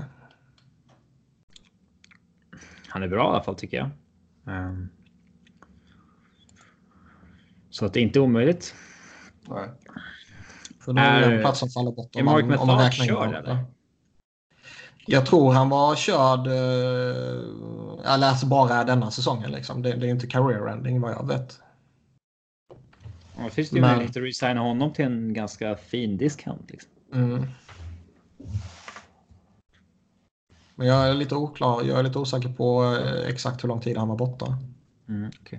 Om han blir frisk om en månad liksom, eller om han eh, Nej, men de har ju borta till slutet på augusti. De har ju Klingberg och Heiskanen liksom. Så nu har de ju Steven Johns och Esan Lindell. Eh, att bygga Jamie Oleksiak kommer ju vara där också. liksom. Ja, så det är där, där. Jag tycker att de har fin, fint djup på forwardsidan också. Mm. Kanske inte liksom bäst i ligan direkt, men inte uselt heller. Nej, de har hittills har de prickat rätt med Ben Bishop också. Ja, han kanske fortfarande har svaga siffror och sånt där, men det... Ja, han, han, är, han är bra liksom. Mm. Ja. Sen Jo, kan, jo. han är ju långt kontrakt kvar och är rätt jättegammal. Så att det stor kropp och så vidare. Så vi får se. Du har ett år kvar med eh, Martin Hansal på kryckor också. Ja, han känns ju körd i alla fall. Ja, Ja, det är borde han frisk. Yes. Det är inget man kan bygga på i alla fall. Nej, nej, nej. Verkligen inte. Ja, sen San Jose slog ut Colorado med 4-3 matcher. Eh, Japp. vi får väl ta och snacka Game 7 här och eh, det målet som dömdes bort för Colorado på grund av offside. Så här, inför Game 7 så liksom, jag gick och förberedde mig för att liksom. Här, här tar det slut. Liksom. Det är klart att Sharks kommer köra över Avs i en sjunde avgörande på hemmaplan. Man förstod ju att Pavelski kommer spela också. Eh, Mm, gick in och gjorde mål och assist. Ja, eh, så att, och sen liksom i första bytet så dundrar McKinnon in i sargen och liksom hela armen hänger på honom. Och ut, eh, liksom åker ut i arenan. Det var ju så här, okej, det. Allting faller Sharks väg. Eh, Alltså jag tycker inte han såg dålig ut när han kom tillbaka. Han fick någon kortisonsprut eller någonting och så in ja, han sa att han fick en shot of something. Ja.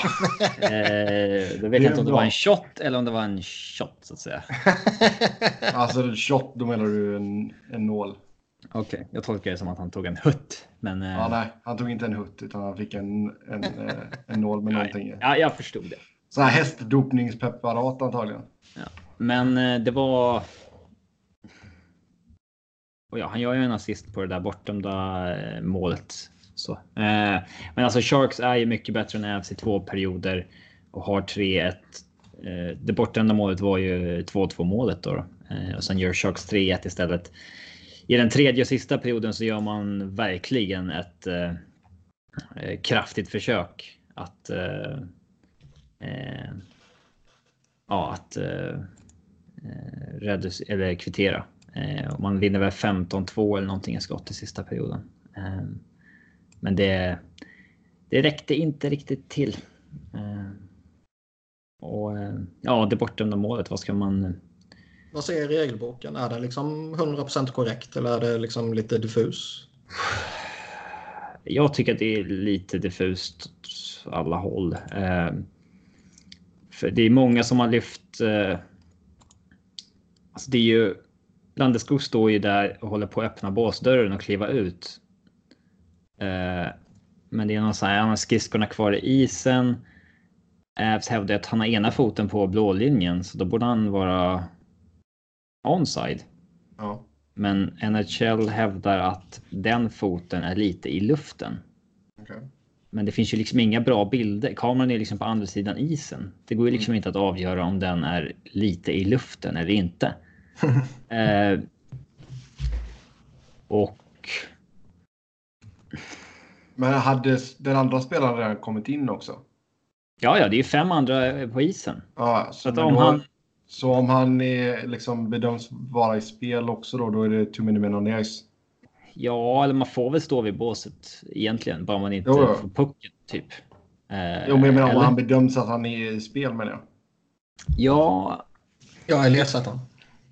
Ja, eh, men det är ju samtidigt inte något liksom. Eh, ska man säga? Det finns ju ingen regel som säger att du inte är offside om du inte är en del av spelet. Eh, något sånt finns det ju inte. Men jag tror inte att det var. Linjedomaren tar han ju inte där och då. Utan det är ju när en challenge kommer. Mm. Eh, det där är ju typexempel på sådana offside som släpps normalt sett. Eller har släppts genom åren. För att han är liksom en sekund senare så har han klivit upp isen. Han är inte med längre. Mm. Eh, men. Ja, challenge som man har kollat på video så är det ju en kille som är offside liksom. Om man bedömer att hans vänstra skridsko inte touchar blå linjen längre, vilket man inte kan se på någon bild riktigt. Eh, så jag blev lite förvånad för de, dömer ju mål på isen och det, jag har svårt att se att det är något conclusive. Som det ska vara för att overturna det så att säga. Men. Ja, Det vi kan konstatera med enkelhet är ju att eh, Sharks har fått några tveksamma domslut med sig och att ligan är riggad för att Joe Thornton ska få rida in i solnedgången. Uh, ja, men om man ska prata om Sharks så är det så här. Det känns ju verkligen som deras slutspel på så vis. Att det är två games även nu där de liksom har. Ja, de får det här med sig. Ja, de här situationerna. Jag skämtade lite, men inte helt. Ja, det är ju inte riggat så, men. Uh, ja. Att. Det studsar liksom deras väg allting. Mm. Eh, Till och med Martin Jones har varit okej okay här mot slutet. ja, det, det var väl ett problem liksom för Avs att han, han kastade inte bort någon match. Eh, han var ju bra genom hela serien. Eh, jag för mig att jag sa att jag trodde att det skulle gå till sju matcher. Eh, Avs gör ju... Jag vet inte vad jag sa igår. Så... Avs har inget att skämmas för i alla fall. Man tar det till sju matcher och. Eh, eh, ja, man fick ju dessutom man har ju inte så vidare bra djup och man fick ju Calvert skadad där efter Burns tackling. Eh, som är liksom legal, men den är ju dödlig liksom. Mm. Man kan ju inte sätta en sån tackling utan att inte skada en motståndare. Det mm. går ju liksom inte eh, med den kraften. Eh, så att eh, nej, det som är. Det som är positivt med att åka ut nu för Avs är ju att man man är ju det femte laget. Alltså man blir ju typ femma i NHL. Man var ju liksom. eh, det var ju, ja, nu åkte ju Dallas också ut i Game 7, men man var liksom det femte sista laget kvar i, i slutspelet av 31 och eh, i och med att man åkte ut i andra rundan så får man ju fortfarande drafta där man kommer i serien. Så att man draftar ju högst upp av alla slutspelslag. Som nummer 16 då. Mm. Att man kom ju sist in i slutspelet. Eller man var det lägst rankade wildcard-laget. Eh, så att man gick så långt man bara kan. Utan att flytta ner i draften. Eh, och allmänt att man har ju eh, Rantanen, Barry, McKinnon. Och nu har det visat sig att Kel McCarr på riktigt. Man var liksom en match från konferensfinal och har nu två val, topp 16 i, i draften och 33 miljoner i cap space i sommar. Så det finns ju mycket att vara positiv kring. Och en coach som faktiskt ser rolig ut. Alltså ja. slänger ut Gerard och McCarry i samma backpar i overtime. Och det är inte bara en gång han gör det. Mm. Igår liksom, så tyckte jag att han gjorde... Det ska han fan ha cred för. Ja, eh, liksom det här med att eh, har man så ojämn balanserad forwardsuppsättning då, då ska ju liksom McKinnon och Rantanen och Landskog spela 25 minuter. Ja. Varför inte? Um,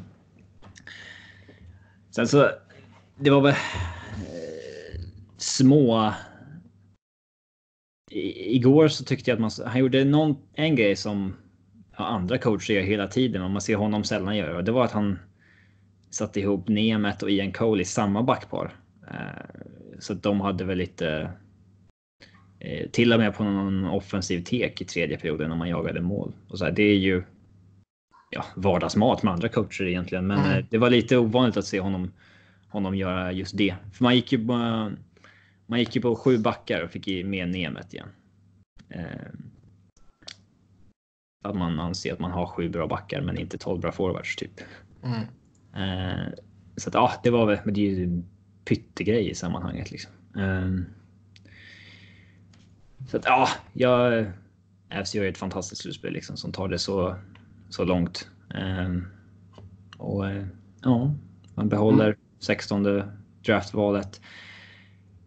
Det som uh, man kan konstatera med sina UFA så är väl att man kan, jag tror man kommer försöka behålla Colin Wilson. ja, men... vi kan väl rabbla upp dem lite snabbt. Det är Derek Brassard, Colin Wilson, Gabriel Bork, Patrik Nemeth och Varlamov. Mm.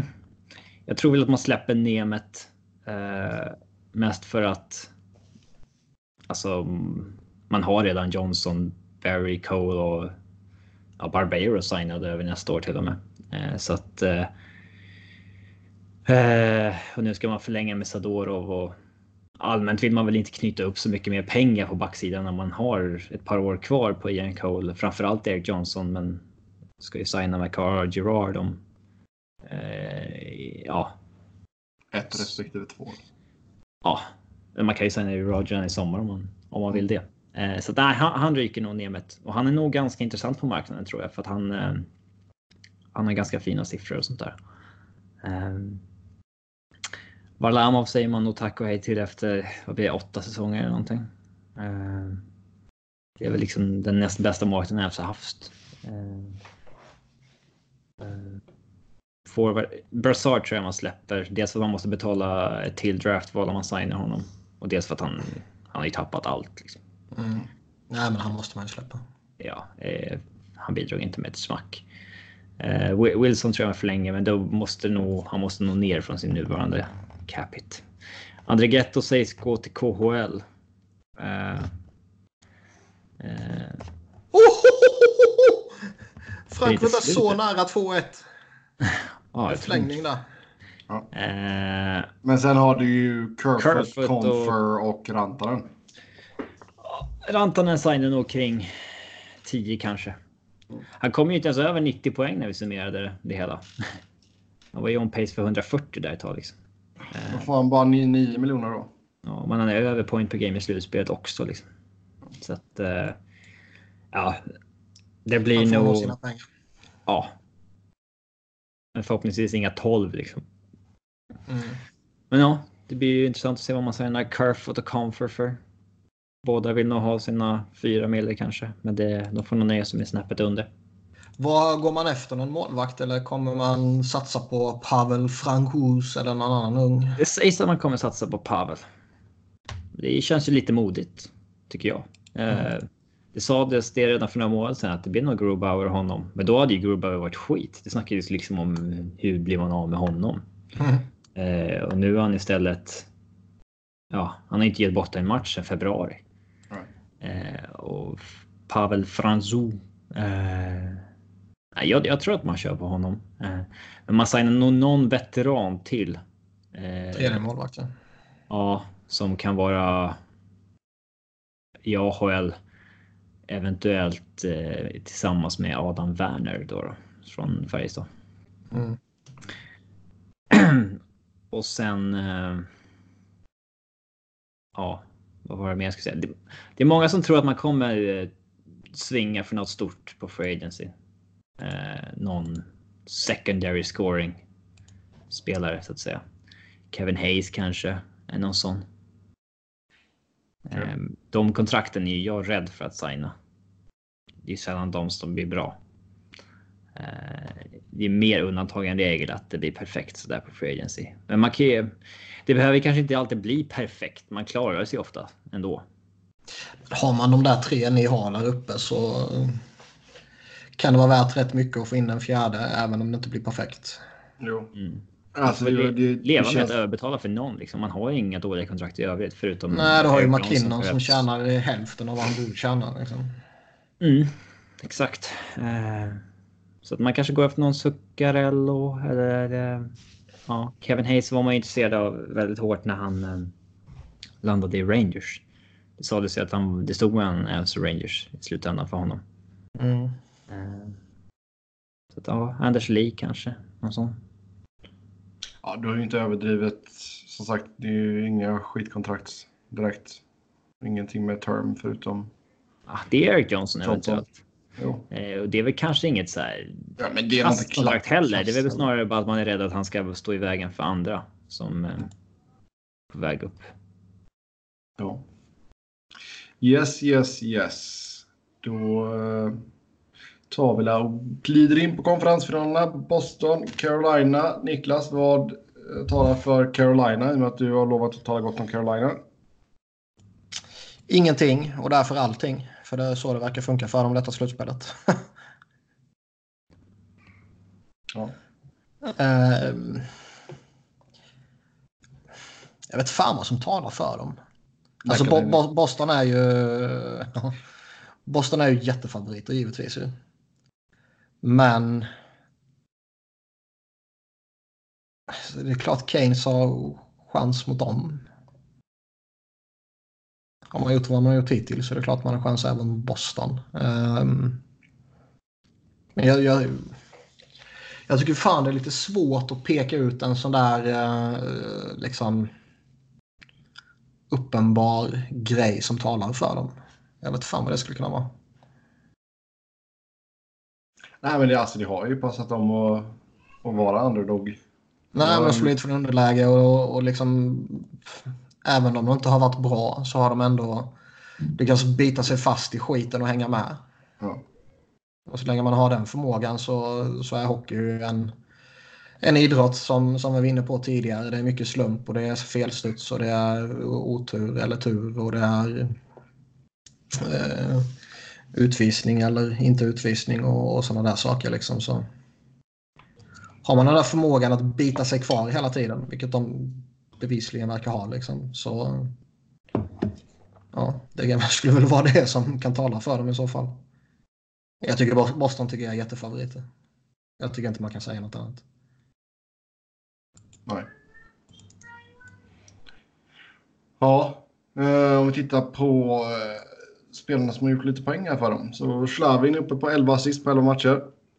Terraveinen, Warren Fogel, Jordan Stahl och Sebastian Aho har nio poäng vardera på 11 matcher. De har hittat någon sån där som går in och, och gör lite, lite oväntade poäng. Fogel till exempel. Eh, och det är alltid det är alltid viktigt, i synnerhet när vissa andra sviker lite, som typ Nino Reiter. Eller vad var det? Niederreiter, inte Nino Reiter. Nino Niederreiter. Ja, exakt. Um, Jo, det är helt klart sant. Alltså om vi går tillbaka lite till, till eh, Jakob Slavin. Det, är det detta som vi förväntade oss av honom? Låg ganska bra med minuter också. Och ser eh, allmänt oförskämt bra ut. fast han har varit virrig stundtals också.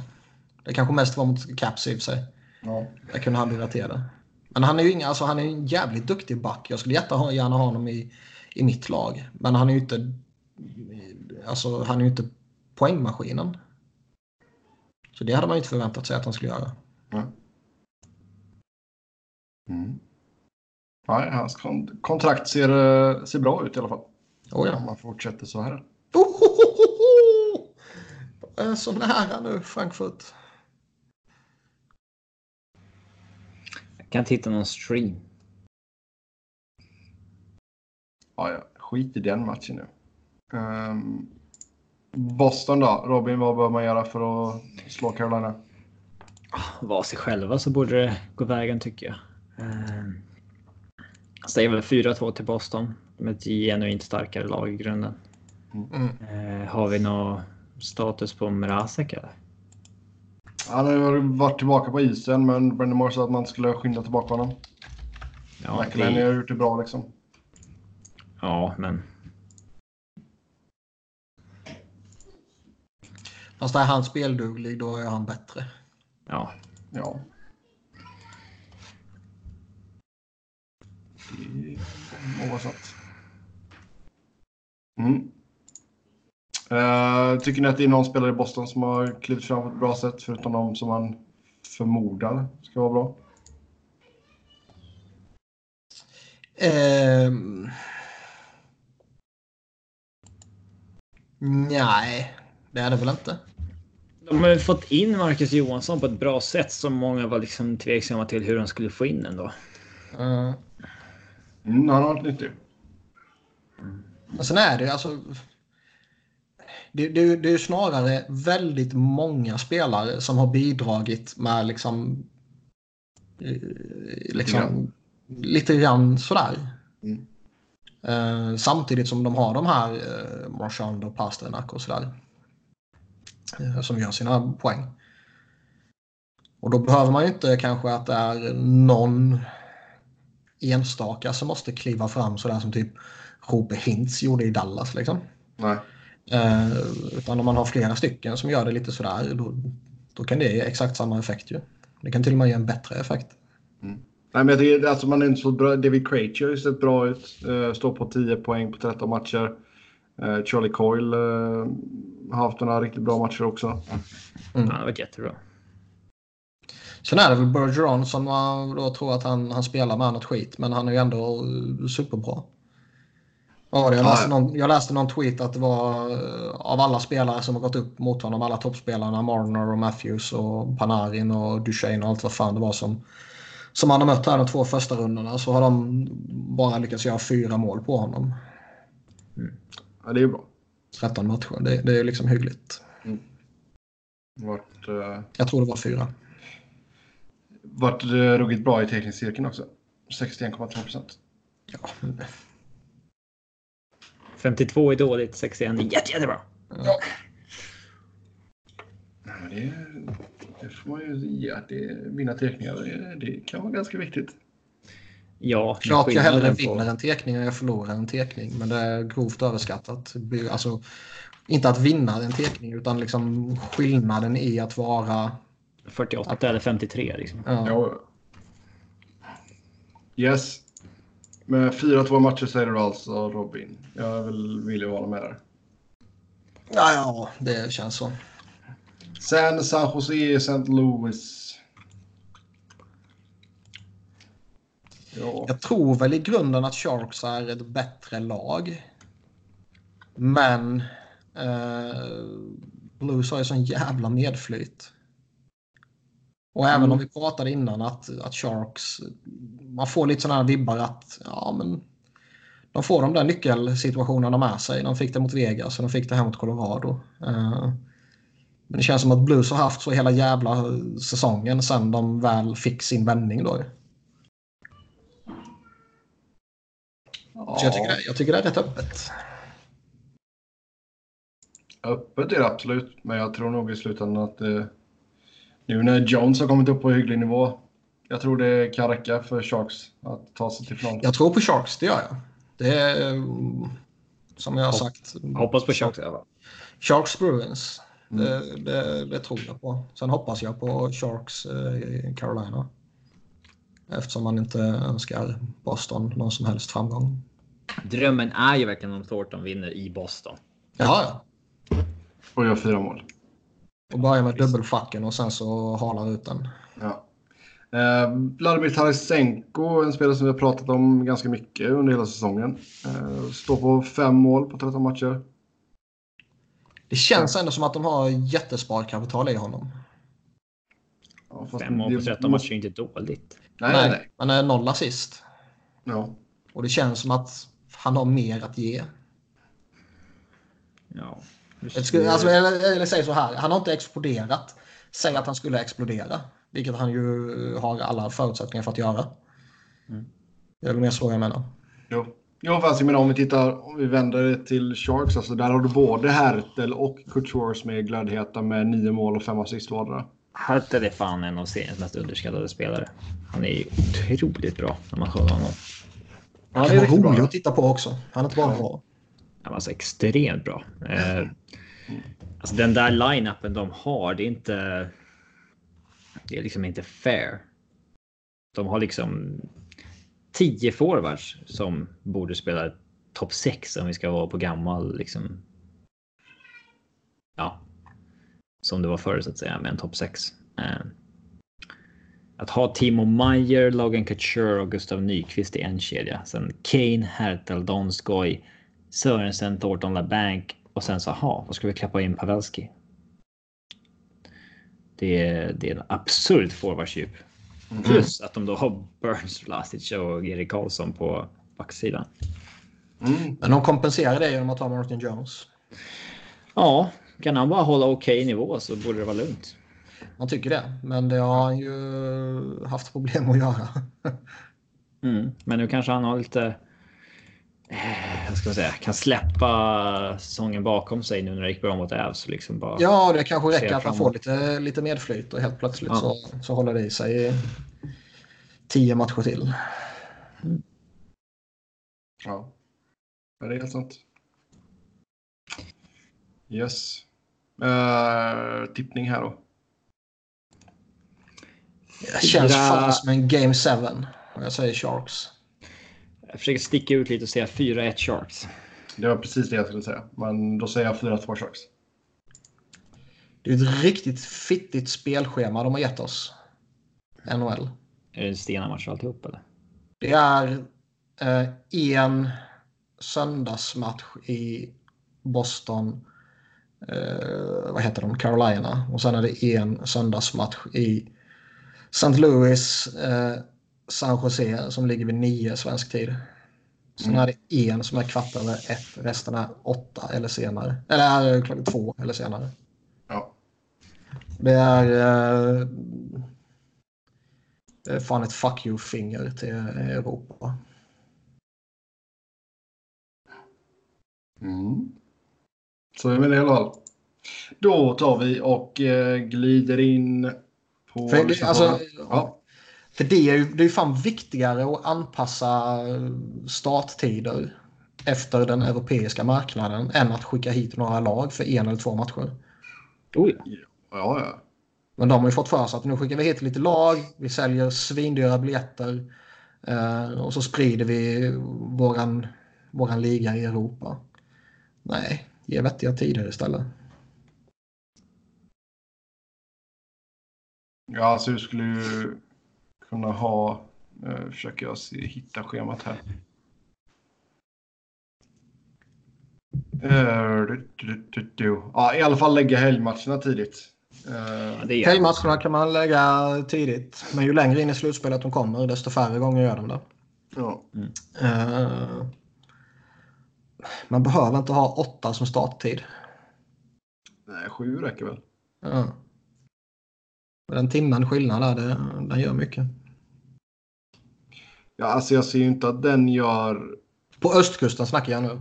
Jo, jo, jo. Eh, Spelar man i San Jose så kan man kanske inte starta allt för tidigt.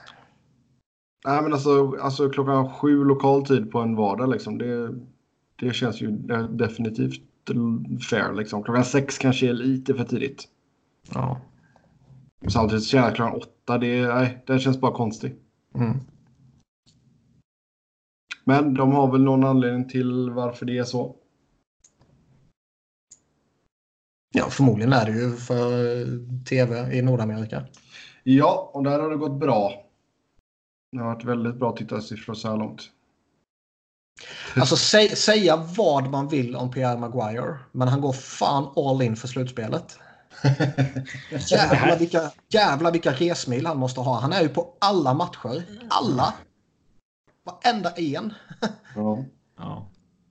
Han eh, samlar ihop bra med poäng.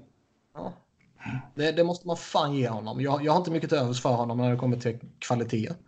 Men dedikation har han fan i mig. Mm. Kan han ta alla de Det är konstigt att de inte har en annan Maguire på den ena serien. Liksom. Att, han, att han inte får den här dagen emellan utan flyger liksom efter Sharks till eh, St. Louis. Liksom. Kör där dagen efter. Mm. Yes. Ja, då tar vi och glider in på lite lyssnarfrågor. Ehm,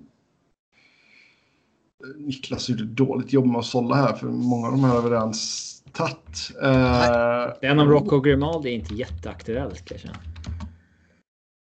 Jag tror jag sållade där. Möjligtvis jag glömde en kanske. vi pratade väl om Oilers och Lucic förra veckan? Ja, men inte lyssnarfrågan. Jo. Bara ta något då. Ja, okej då. Utan sitta och hata på mig. Hata på Robin istället. Ja, okej, okej, okej. Alternativ lista, NHL-spelare med namn som hade passat bäst i en film. Va?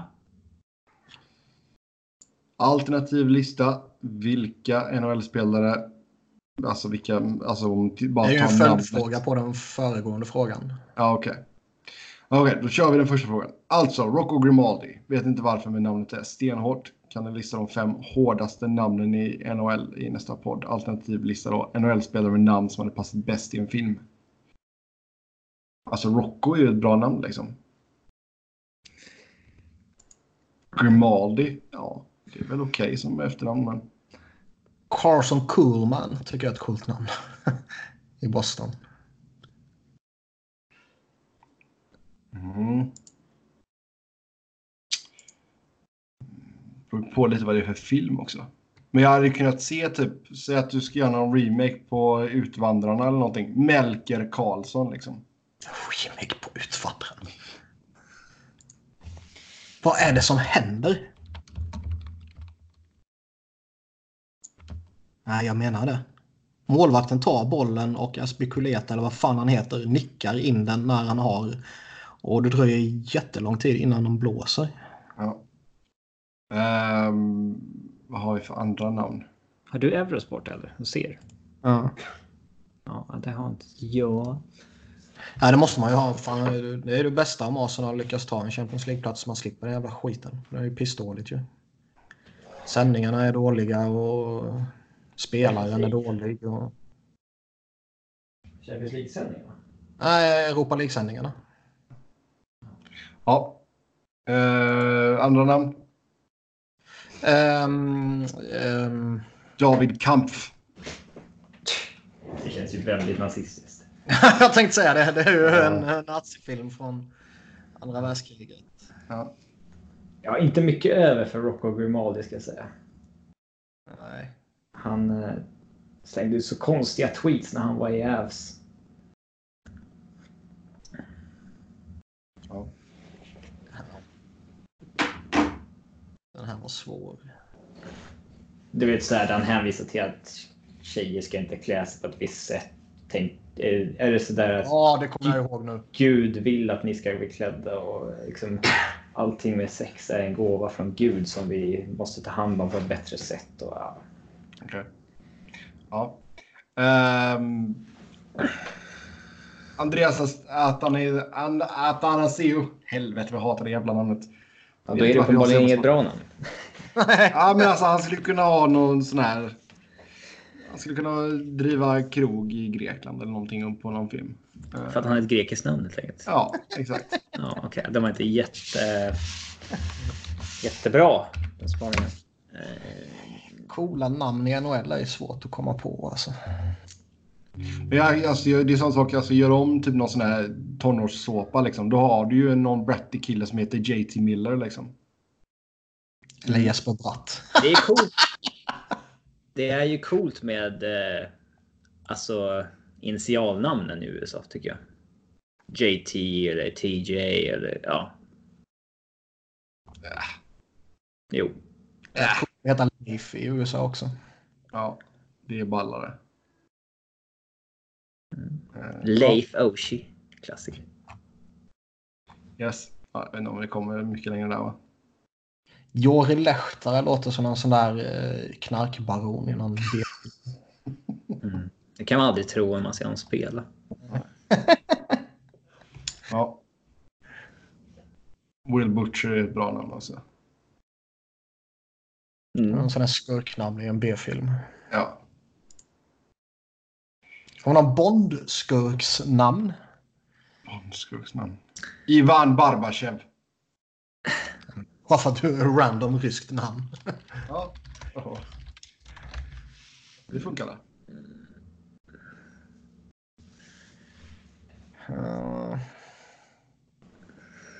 Sitter där med någon katt i famnen. Alltså Marcus Kryger skulle kunna vara en bombskurk. alltså den tyska Kryger liksom. Marcus Kryger skulle inte kunna vara en bombskurk. Men namnet. Nej, Namnet skulle kunna vara. Ja.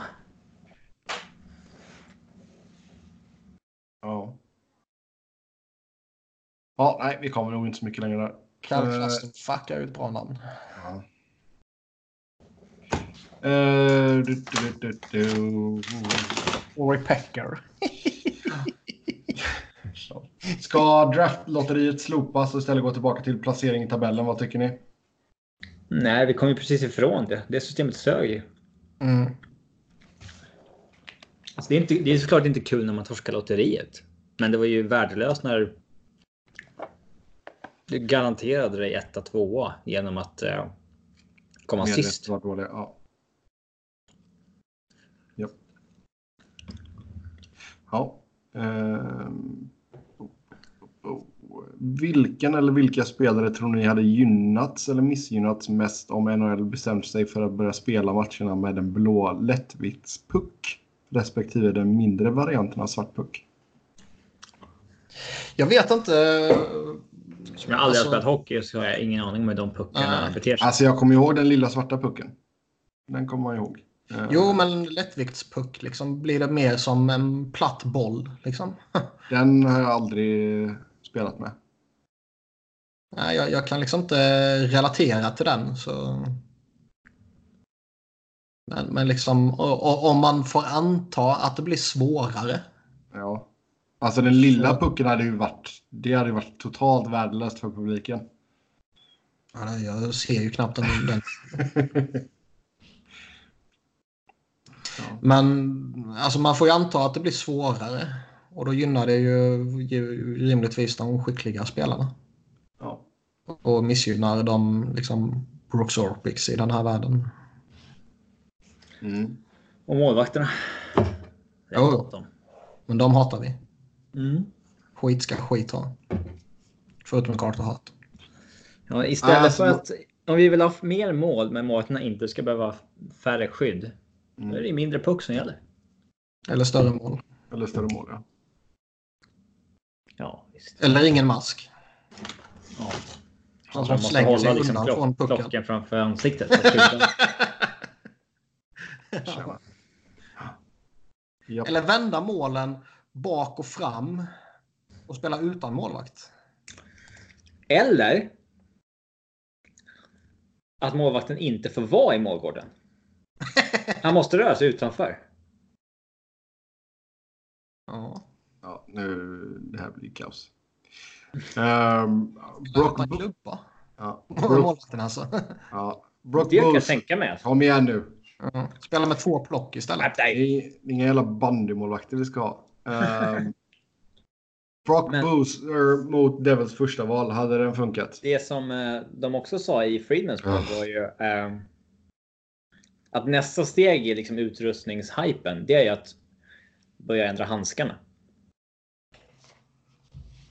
Mindre plock alltså. Nej, inte på, alltså på, på utspelarna. Mhm. Att varför har vi två handskar som gör samma sak när händerna gör olika saker på klubban? Mm. Så det blir intressant att se om vi får någon utveckling där. Ja. Då tar vi nästa fråga. Brock Bowser mot Devils första val. Hade den funkat? Nej, Nej. inte ens nästan. Nej, alltså hur mycket ska, skulle man vara tvungen att krydda någonting för att få eh, Devils första val liksom? Det Jack blir, ju, Hughes. det blir ju Hughes liksom. Ja, alltså det är klart att Jack Hughes kan bli en ny Nugent Hopkins. En okej första liner. Men i dagsläget kan man inte skicka honom billigt för att man kanske inte riktigt tror fullt ut på honom i Devils. Nej, nej, nej. Då får man ju leva med det resten av liksom, föreningens historia sen. Det är för stor risk. Ja. De skulle nog inte få first overall mot Elias Pettersson heller. Inte ens om de kryddade lite. nej, det tror jag inte. Ja. Sen tror ni jag pratat om detta förut, men jag och en kompis diskuterade Tampas utgång från ställ. Kapp borde inte Tampa vilat sina stjärnor inför slutspelet i en mycket högre grad, till exempel Kutjerov, Hedman, Stamkos med mera. Så det kommer nästan till 100% friska inför slutspelet. Motivera och prata lite om hur ni skulle ha gjort om ni var coach för ett lag som var klar etta i sin division. Jag hade gjort det. Alltså det är ju... Ja, men så här, sitt den här roadtrippen, Kutjerov. Ja, ingen, vi har ju pratat om det tidigare. Inget snack om saken tycker jag. I synnerhet när det kommer till veteraner. Ja. Men, men det blir ju också lite... Alltså det, det, det verkar ju som att Steven Stamkos spelade skadad. Nu vet inte jag när han i så fall blev skadad. Eh, det kanske han blev i slutspelet så att säga. Alla har Mm. väl skavanker efter 90 matcher på en säsong liksom. Ja. Men liksom, om- alltså, han kan ju inte spela alla matcher mot slutet om han är skadad. Nej, nej, Nej. minsta skavank, sitt. Ja, och, och alltså... Jag skulle hellre vila spelare en hel match än att typ så här börja ändra i coachingen, skära ner istid och sånt där. För ja, det är ändå nej, så här, spela Stamkos 10 minuter, då är det bättre att sitta han helt och hållet. Ja, men alltså.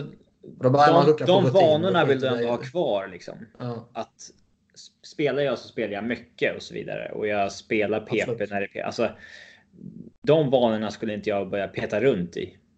För Nej. att spara folk typ. Men sitta en hel match så där, absolut. ja. Nej, jag tycker Sen- det är konstigt att den kulturen Ja. inte finns. nej, det är inte så alltså, konstigt. Vi, det är ju liksom. Det är ju liksom gemensam ståfräs över hela Twitter så fort det kommer ut vem som var skadad där och spelade med vad och alltså. Jo, det är sant. Eh, men det, det är ändå liksom.